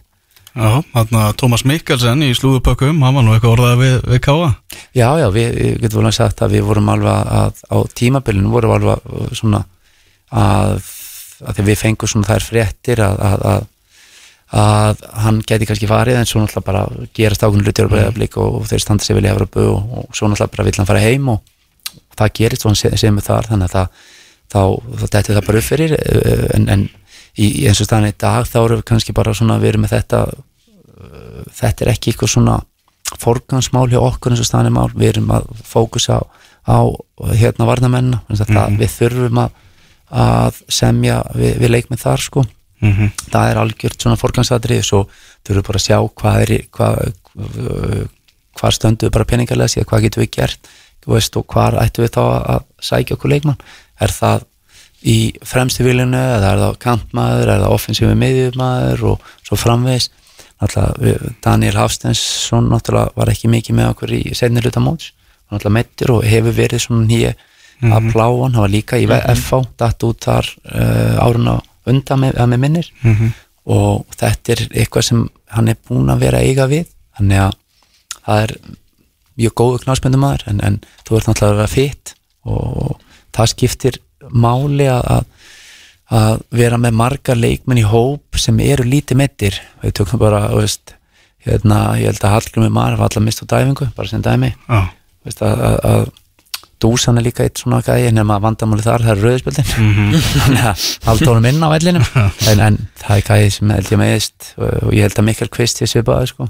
þannig að þeim er fleiri leikmenn sem þú ert með sem er ekki með sögu að, að, að meiðast. Það er alltaf gott, þetta getur alltaf slasaði og, og ert bara frá þá ykkur tíma en svo eru bara aðri með þannig sögu. Þeir eru alltaf þetta út bara vikut, álumánur aftur inn, það er, það er annars konar dæmi sko mhm, þannig að þú vilt frekar leita leikmunum sem þú getur bara séð og síðan að þeir eru bara með full, fulla leiki alltaf spila allar mínútur og þá veistu að það eru mikla líkur því að þeir, þeir eru ekkit að meða sko.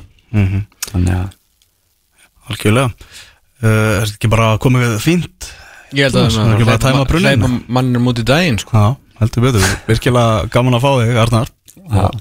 Og, bara gangi ykkur vel þarna fyrir norðan. Já, ekki fyrir, er alltaf gaman að koma, koma til eitthvað starfkvar Við heyrum uh, í þér vantarlega sem allar fyrir staðin en ennþá uh, 2-0 á uh, skipaskaga þar sem að Ía stefnir hraðbyri í byggar úslitaleikin hvorki meira en að minna. Setni undan úslitaleikurinn fer síðan að staða klukkan 14.30 og mestaraföllum í Hafnarfyrði þar sem að uh, heimamenn í vestra frá Ísafyrði í Frostaskjóli mæta Íslands mesturum Víkings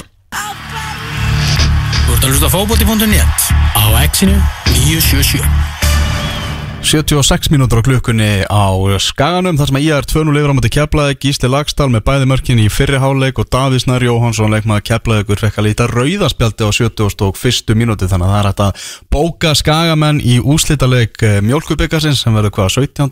oktober held ég og mm. svo er bara spurningin verður það vestri eða verður það vikingur sem að leikur til úslíta á Laugardalsvellinum Arna Gretarsson, hann var að eh, yfirgefa bygginguna.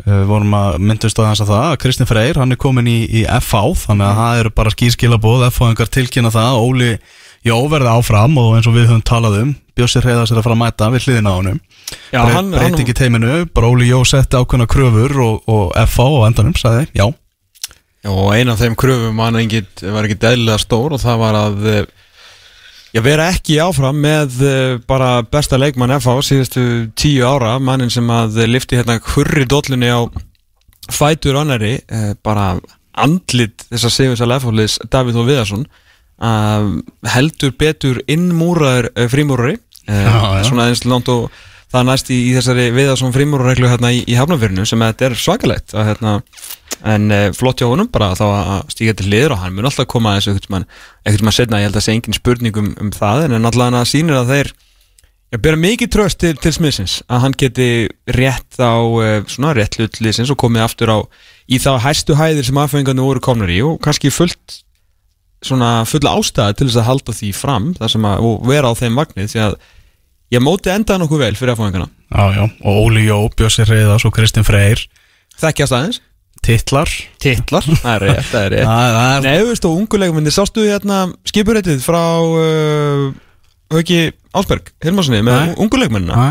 geggja dæmi sem að uh, leikmaður uh, fyrir leikmaður Vals og nú er þetta leikmaður KH setti fram uh, hafræðingur, maður vinni hjá Eblu, mikið tölfræði uh, gúrú í fótbolta og mikið tal talna klökkumadur Mm.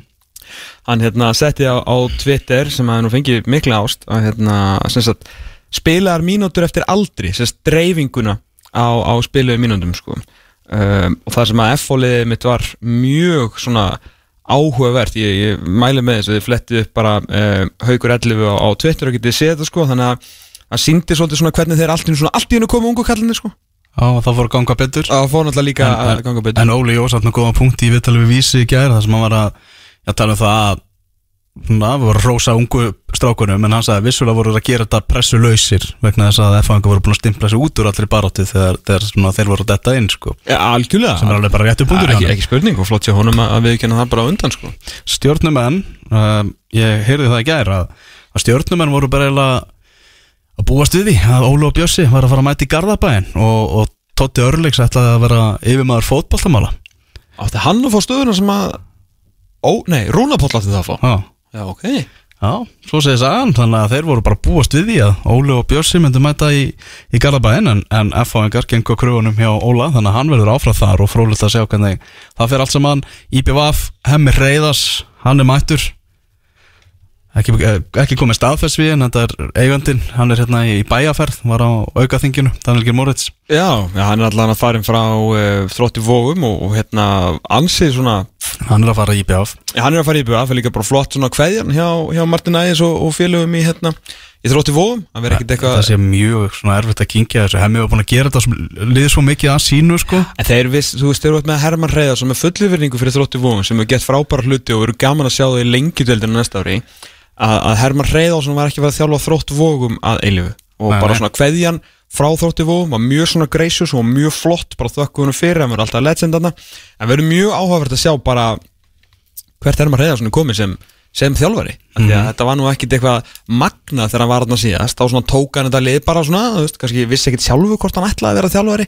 Setti sjálfan sig inn á fór í framlínuna, sprikla eitthvað þar með David James í markinu, þú veist, þá gaman að þessu. Mhm. þetta var svona engin, engin þjálfun eitthvað per se, skilur, en nú er hann bara með bara þjálfara bóluna og þjálfara drauminn og þú veist, er bara í, teiminu hjá Sol Campbell þegar hann fær starf, skilur, hann er bara aðstofa þjálfur undir 21 árs aðstofþjálfur, hann er bara Já. þjálfari í dag með, Mhm. með fínt lið og hérna, flotta stóra pósta sem ætla sér stóra hluti og þú veist, það verður gaman að sjá bara, við fáum meira nákvæmlega að sjá bara hvað hann er svona cirka bát á milli ára eða þess að á milli þessara tímabila. Já, frábært að fá hann í dildina Æ, og fyrir utan það maður. Já, heldur betur.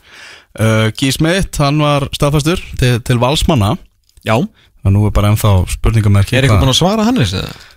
Já, ég eða? Já, það, maður heyrir eitthvað sögur að hann hafði allavega eitthvað rætt við, rætt við heimi en það er bara stór spurningamerki hvað, hvað hann er sér að fara að gera sko. Það er bara risa stórt sko. Já, og eitthvað sögur um það að hann jafnvel bara leggja hanskan á hilluna Já, það er svoleiðis. Já, Ok.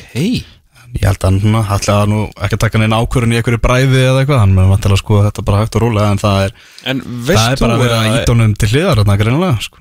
Er það, þú veist, ef búið að ákveða strax að Gísmið sé nýr aðalmarkur vals? Það er sam, samkvæmt öllu því sem ég heyri þá er það þannig. Þá er það þannig. Já. Ok, ég var svona eitthvað hvað Þetta er ekki einhver samkeppni sko Ég fór líka í smá pælingum með að hann myndi taka kannski, þú veist, eitt ára á bekknum og taka byggarleikin og menna hann er spila síðasta tímabili sitt, þú veist, eitthvað að læra eitthvað þannig, sko. Já, En, þú veist, ég- en, en líklega ekki. en, já eina, eina sem ég heyri er bara Hann er bara aðalmarkur vals. Já, bara gísmitt en ír markvörðu vals. Og hver getur Hannes færið? Það er allir með markverið þannig Ég ég veit að getur hann að spila fyrir allir Það maður er velkomin í ég reynd, það vant að markmann það. Það er ekki flott að loka ringnum, getur gert Það hérna, væri romantíst heimildamynd, verður svo Ben Foster með GoPro vindavel í markinu Já. og gert svona smá heimildamynd um svona The Last Dance heima í Náttúrulega hann er bara einn upp á fótboltamaður bara, bara frá upp að vegi og ég, sko, ég, ég, ég myndi fá tár að sjá hann aftur í, í leikningsbólunum Ég sko. skal trúa því, sko. En það má láta, láta sér dreyma Það er bara þannig. Mm. uh, Binni Bolti, uh, er hann á leiðin í vikina? Herru, ég veit ekki, uh, það hlýtur bara að vera. Allan ég heyrði í Dóta fútból í vikunni að það væri eitthvað rétt rúmlega 30 miljónar krónar klá, klásúla ef þeir myndu falla. Og hérna, ég held að með Európa-penningunum á leiðinni þá eiga nú vikingar stað þrjár miljónir á, á heftinu. Þannig að veist, þar sem að það er ekki hægt að hafna tilbúðinu ef þetta er rétt með klásúluna að þá hlýtur hann að vera bara á leiðinni. Já, það er alveg hlýtur að vera Herðu, byrjunlega vestra og vikinga Kári Átna kemur aftur inn. Þessi leikur hefst eh, klukkan 14.30 Jón Þór Hauksson gerir þrjárbreytingar á liðinu sem mætti kórdrengjum fyrir um það byrju viku síðan. Arna Gunnarsson gerir aðeins eina breyting á liðinu sem lælti sér Íslandsmeistara titilunum síðustu helgi með því að vinna mína menn í leikni. Haldur Smári Sigursson fer á bekkin og eh, Kári Átnason kemur inn í byrjunlega Aftekli verðt, aftekli verðt sko. Mhm. og hérna, já mestu veginn klukkan 14.30 segir, þetta er mjög haldósmára bekkin já. Já, það er var að spila á uh, Gamlu kollanum í þessum leik sko.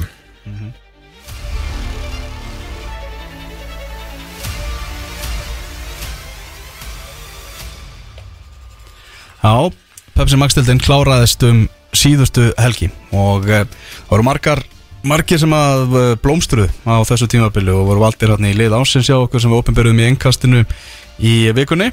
En svo eru það kallarnir sem voru líka skrampi góðir Mm. en fengu ekki alveg sama umtalið. Nei, ég reyndi að setja saman svona lista yfir uh, laglaus og hetjunar Já, uh, Búin að laglausu hetjundar til þess að íslenska The Unsung Heroes þá eru hér uh, laglaus og hetjunar La Leikmennir sem að eigi ekki lag um sig. Kannski svona, í svona fljótu bræði hljómart eins og þetta sé eitthvað pínu neikvætt en Alls ekki. Þetta er það alls ekki. Alls ekki Það og er þeir, bara- ég veit ekki hvernig þeir eru í karaoke eða neitt Þetta er bara, þeir eru laglausir það, Já, já. Þeir eru það eh, svona underappreciated en kannski er þetta ekkert allir en þeir eru ekki lag. Það er nú svona allt í gama skert en ég vafa lítið nær nú einhver að pyrra sig á þessu og til þess er ég nú hér. Já. uh, Sko, þetta var sumt var alveg frekar erfitt sko Já. og það er ekkert öllið sem að eiga laglausa hetju því að þau voru svo léleg uh, Viltu byrja frá ég bara byrja á efst núna Já, skiptir svo byrjum miklu efst. máli. Byrjum efst, herðu, uh, laglausa hetjan uh, í vikingsliðinu Mm. Alli Barkarsson Já. Fekk svona svolítið umtal undir restina En annars var hann bara, þú veist, 22 leikir Stó bara hann í vinstri bakverðinum Hávaksinn flottur, gríðaleg Þróun á milli ára, framþróun Miklu betri í árhöldur en í fyrra. Þeir segja í vikinni að hann sé svona 20 ára gammal strákur í, Með heila svona 50 kalls. Mikið hann er mjög þroskaður einstaklingur. Og klárt mála Alli Barkarsson sem að komi mitt úr svona atvinnumennsku til vikings Fer aftur í atvinnumennsku. Flottur strengur og markur, markið á móti káir Wow. Uh, Saman með, með blikan, ég veit, sko við höfum mest svona haldið held ég þessu nafni á lofti en almennt í umræðunni um breyðablík að því að þú veist, það er allir svo góðið þar sko. Og eins og m- margir vilja halda fram sem er mjög fyndið sem er langbesta lið sem er nú ekkert að hérna Davíð Ingersson, höldum okkur í vinstri bakgrunni. Já. mér finnst hann geggjaður. En það er líka aðalega hvað hann er góður að fara fram á við. Mhm. og hérna Og rétt eins og allir bara, þú veist, á fljúandi uppsveiflu á ferlinum. A- absolutt, ég er mikill aðdáðandi Kárlið, sömulegis þetta var, þetta var erfitt því að þetta er svo þetta er bara stappfullt lið af einhverjum stalworth names Mhm. og ég get ekki fara eitthvað þú veist í Stefan Átna því hann er miklu meira svona segja, svona ungur og spennandi Mhm. þetta var erfitt en svona ég setti þetta á Arnur Svein Já. svona, þú veist, ég held að sé enginn einhvern veginn að syngja lag um Arnur Svein hann er ekki þannig leikmaður Nei. en hann er samt leikil maðurinn í næst bestu vörnur, að bestu á landinu Þannig að Arnón Sveit var það. Já, bara á, ekki slakan leik. Nei, káalið Það er maðurinn Það var aldrei talað um á tímul Maðurinn sem að batt saman Fyrna sterka miðju káaliðsins Við erum að fara að heyra þetta nafn í fyrsta sinn í sömur Í fyrsta sign í sumar. Uh, Þetta er maðurinn sem að uh, Fekk óþarfa aðtegli Þegar fyrir þjálfarnan hans held í fram að hann veri besti leikmann í deildinni Þegar hann var ekki einu besti leikmann í sinnistuðu Sem var áhugavert En hann var frábær í sumar Á þess að fá nokkuð umtal Og það er Rodrigo Mateo A.k.a. Rodri Hann er svo sannlega laglust að heitja í þessu, í þessu káaliði, það fyrir ekki að milli mála F.O. liða var erfitt, þeir voru svo ógeðslega liðlegir lengi vel Þetta er aðeins öðruvísi og ég fer ég ber eitthvað sjálf um mig að, að ég valdi ekki svona Stefán átna áðan en af því að það voru eiginlega allir hættir að fylgjast með F.O. undir lógtíðinbils það var öllum sama fyrir utan alltaf þegar hérna mættu F.O. eða bregðablíki segi, kunnum við um bestu þakkir Leikmaður sem áttu fyrir lifandi slöngu að vera komin inn í þetta lið Lói Hrafn Róbertsson. Þetta er einn á stjórnum næsta ár sko. Algjörlega geggjaður Þarna á miðinni hjá, hjá F.O. liðinu. Og það bara myndist enginn á það sko. af Það var svo sem enginn að horfa. Það er enginn í stjórnunni Þeir gátt ekki neitt. Nei. Uh, Þú fyrst að velja leikningskallin Já, og það er Emil Berger Já. sem að Siggi Höskulds valdi leikmann tímabilsins á, á lokahófinu Já. Og bara algjör fagmaður. Þetta er gauður sem að gerir bara hverja æfingu betri Já. og bara mikil fyrirmynd fyrir yngri leikmann sem eru þarna á leiknisvæðinu og allt það. Og bara því lit sæn að fá þennan svíja inn á miðuna Ekki mikið talað um hann en, en reyndar held ég á hann lag En hann fær samt að vera Herru, Ía Sverri Mar fekk að velja Það sem að ég veit ekki alveg hvort ég sé sammálið En hann sagði þetta Sindra Snæði Magnússon. Sagði að hann hefði verið besti leikmaðurinn Bara svona setni hluta tíðumbil Sérstaklega þegar að skagamennir fóru að vinna fótbollaleiki Og skoraði þetta markið sem á endanum hjælt í að uppi. Keflavík uh, Fekk smá ást Svona smá ást en ekki nægilega mikla. Að ég myndi segja besti leikmaður Keflavíkur á tíðumbilinu En þó svona ekki maður Svo kannski endilega fara að setja á plaggat Áspjöld Þórðarsson Já, Það er gaman að sjá þessi strákur sem er búin að vera ég, hvað var hann að spila leiknumir 500 eða eitthvað á ferlinum. Hann er búin að vera svo lengi að. En hann er svona virkilega springut núna og ég er mjög gaman á hann. Hákulið engin laglega setja enda Bergmál var í konum og gátt ekki neitt. Hmm. og fylgir sömulegis það var engin það þar. Var engin hitið þar. Nóa skúrkun Hvorki hetja sem gætt sungi nýja var laglaus. Nei, nei. Herri, ég er líka með nokkuð velun Herði á, velun. Já, eh, nokkuð velun hérna. Helsku velun afhendingar. Herðu, ég er með nokkuð velun hérna fyrir Já. tímbilið Þetta er svona helstu velunin. Endur komið leikmaður ásins The Comeback Player of the Year. Markurur Breiðabliks Eftir mjög erfið tímbilis Já, síðustu leiktíð. Erfið að byrjun á þessu leiktíðumbili líka Það sem var mikið drullað yfir hann Sérstaklega í, í fyrra. Og var erfitt fyrir hann held ég bara persónulega En Anton Ari Einarsson Er Comeback Player of the Year Líka í, sko, sambandsdeildar Anton. Já, góðar. Hann, hann út í Vín Gekkjaður Já, geggjaður. Hann var mjög slakur í fyrra Bara tölfræðin sagði það líka En, en sá var flottur í ár Einna betri markur en dildarinnar uh, Stólaklappari ásins Já. Bjóðum velkomin aftur. Fót fráasta Og skemmtilegasta leikmann í deildinni á sínum degi. Minn maður Hallgrímur Mar Stengrimsson Já, það er gæi sem að Það reyndar eru hvergi sæti á Íslandi sem að klappa þú stendur upp. Þetta er allt múrað í ykkur steipu Mhm. Nei, það er saman hluturinn. Það er allt borað í steipu En uh, ef það væri svona sæti til þess að Jú, það er reyndar í kórnum og blíkavillinu meldi Að þar, það er stóla klappari. Maður vill sjá Hallgrím Mar með boltan Og sá fekk lúa frá þjálfarnu sínum áðan hérna. Heldur betur maður, vitum Jesus Christ. Herðu, uh, saknaði ásins Leikmaður sem ég saknaði Leik, Það er engin leikmaður sem spilaði jafn langt undir eða yfir pari með að við getu og þessi leikmaður á tímbilu Patrick Pedersen. Já, og hún var svo sem ekkert vorkunni því að leikmenn eins og Nikola Hansen hefur verið að benda á með vikinga að frammeira þurfa þjónustu. Og þjónustu var lítil og léleg. Það var svona svolítið eins og á hérna, Jamie Oliver hérna í Italian staðnum. Mhm. verst á þjónusta sem sést hefur. Og, og valsliði var svolítið eins og eins og þeir já, og hann var pyrraður á tímabilinu. Já. Hann var mjög pyrraður, sáum það til dæmis í En það er það- Í byggarleiknum fyrir Já. vestan og, og, og, og leiknisvellinum þá sko bara glumdu öskur hans um gangana eftir leik. Og, þetta er ekki sko velunin lélegasti leikmenn ég bara sakna hans. Já, við viljum fá, fá gamla palla á þessu. Bestur á nýjum stað. Easy. Mm. Pablo Poniet langt bestu kaupin á þessu tímbili Það er ekki, svona, þú veist, það er engin close í því sko. Bestur á næsta ári. Bestur og nægur, við ætlum bara að velja það strax Já, þú setur velun í ár fyrir bestur á næsta ári. Já, já. Ég var svolítið lengi á vagnin. Já, En bestur á næsta ári Kristall Máni Ingarsson ég er sko frá mönnum sem hafa síðan spila bara endalvist, sko.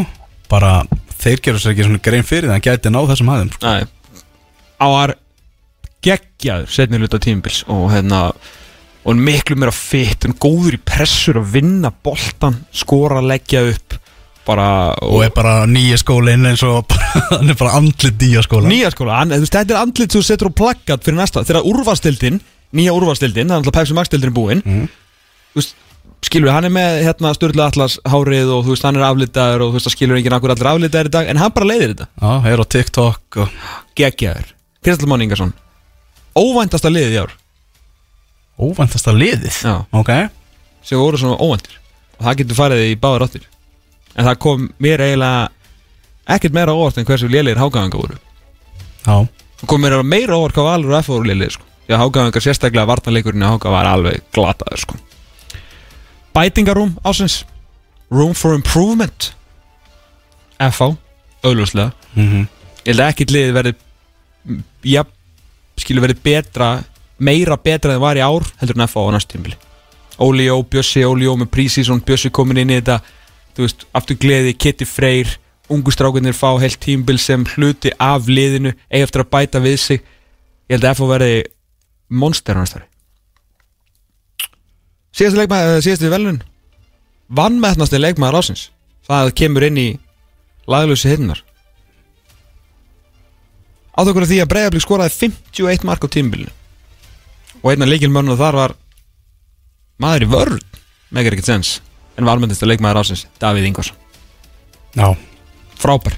Fyrir hlaði velunum hérna. fyrir hlaði velunum út frá. En þetta var svona uppgjöri mitt eftir þetta skemmtilega Pepsi Max tímbil Eldur betur, virkilega, virkilega gott uh, Var að koma tilkynning úr Grafarbóinu já. Gummi Júl snýr heim. Það er knastmjöndel fjölnis mikil ánægja að, til, Nei. að tilkynna að Guðmundur Þór Júliusson hefur skrifað undir þryggjára samning við félagið okkar Vá. Fyrsti Það fyrsti fjölninsmaðurinn á svona 5 í Háká sem er að fara heim með Góð spurning. Herra, annars var ég að fá hérna Fekk tweet á mig eftir ég var að tala hérna um fram á hann. Uh, Haldur og Gröndal hann við, ekki bara segja þetta um að búið bref Jó uh, Að Tom Torðarsson með skemmtilega réttlætingu á X977 rétt í þessu Á ráninu í Safamýri eins og ég kalla kæl leikmannaskiptin. En það er ekki sannleikskorn í þessu. uh, Ég vant að líka fagbólir en alltaf leið Framara sem ég þekkir hins vegar á gamla skólanum Þeir vilja loyalty í langtímaverkefnum Harður heimur Ég ætla að viðkjöna að ég skil ekki setningu að þessum að stendur hana Því að uh, eru öll leikmannaskipti árin rán Hann er samningslaus leikmaður sem að framhæði ekki sem sagt samdi ekki við Mhm. og hann segir sjálfur að hann var að leita sér að stærri verkefnum og meiri áskorun í viðtölum þegar hann var sérst, á blagamannafundinum sko. uh, þannig að já þú veist eru öll leikmannskipti núna er þetta allt ránsferðir? Ég vona nú alltaf að það hefur skipt með sínum vilja. Hann, hann kæla okkar sko.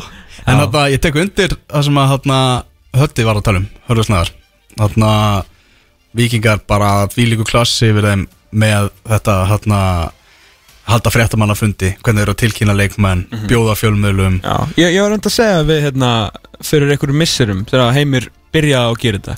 Ah. og hann var svona, að ég er ekki svo kjánulegt að hérna, fjölmiðlandi kom ekki? Ég bara, jú, jú, en þú veist þá er það on them, skilur og það fókbalt.net mætir alltaf. Það er Það er ég sagði, ég sagði einmitt orðið Já. við hann í versta falli kemur Elvar. Já, eða Maggi þá, skilur, eða Hafliði. Já, það verður aldrei verið það að þetta verður á fótbolti.net og ef það er svona rosalega mikið að frétta eða svona mikið að gera hjá öllum hinnum fjölmjölunum að þeir get ekki farið á svona player arrival Já. í hérna í Pepsi Max, eða fyrir ekki, í Pepsi Max þá verðandi Pepsi Max til kalla að þá er ég að býja í einhverjum öðrum heimi sko. Mm. að þegar heilu dagarnir og vikurnar eru stappfullar einhverjum þýttum fréttum sko. Þannig að auðvitað tekið undir þetta með að mínum menna að vera flottur í þessu og líka bara eitthvað sem fleiri með að gera. Herru það eru senur á skaganum Erðu, já. Það er bara bumrush á sviðið stuðnismannasveitinni komin inn á völlin til þess að fagna seyrunum í undanúrslutunum Já, búið að flauta til leiksloka. Í að vinnur Keflæk 2-0 og komið í byggar úslita leikin og sko skamanum til hamingi með það og því lík gleð og því lík stemming hjá skamanum. Ef, að, ef að þetta fer eftir bókinu eftir og við erum að fara að fá viking í að í úslita leik það verður fullt, fullt af fólki á, á vellinu, það er alveg klárt mál. Það er ekki spurning. Tvíleitt partí á vikingunum og núna eru bara skagamenn búin að vinna fjóra leikirröð sem er náttúrulega alveg ótrúlegt með hvernig þeir voru lengst framann á tímabili það er bara einhver svakalega ára Já, þeir eru heitari heldur en blikar sko. Já. Þeir eru ekkert smá heitir sko. Eru, já, Þetta er gaman líka að gegja myndir fullu völlur þarna og það er verið að dansa og syngja og það verður Fólk líka búið að heita upp sem hálf tíu í morgun. Já, og, þetta er rétt? Og það, já, það Er, það er bara síðastur af skaganum lögðaðin 16 dótt hans lekkur ljósin. Það verður ekki kjaftur heima sko. Þetta er bara eins og þegar Óli Þórðar var með hérna, skota hár, hárkolluna og, og allt það. það Þannig er bara stemmingin hann á skaganum. Er, er eitthvað í loftinu? Ég sé ekki betur Þú ert alveg rættur Æ, við þurfum alltaf að vinna vestra fyrst Ég er mikla verðingu fyrir vestramönnum sko. Já, En ég, hérna, saman hvort að vera vestri eða vikingur í ústalegnum þá vil þetta skagamenn að vera ekkit eðlilega Vá, þeir varum til að spila þetta bara næstu helgi sko. Tveggja vegna pása held ég bara ofið mikið fyrir það. Já, nákvæmlega sko. Leikmenn ía og stuðningsmenn eru saman hér bara í einni þvögu og það er verið að syngja og dansa út á eh, Norðurálsvellinum Já Fallega myndir, flotta myndir, alveg byggarmyndir og romantíki lifi svo sannlega í uh, mjölku byggarnum uh, Blikastólku mestar er gerð til mikið með það. Skagamenn eru konum með fyrir farseðlinn í úrstöldleik mjölku byggars Karla.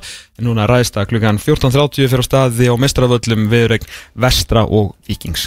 En að uh, við elvarsinn tendir þennan laugardaginn vorum hér lengi með Arnón Gretarsson í spjalli bæðum landslið, Pepsi Max-dildina, Káa, Víking, Breiðablик og allt að helsta og síðan uh, tölum við um landslið og uh, óskum nýjum formanni, Knaspunni Sambas Íslands til innlega til hammingju með uh, kjörið og eins og hún sagði í lokasetningu ræður sinnar uh, ef þið ansakið, það hefur verið betra að ég verið að mynda að vera frá mig það verið betra endur sko.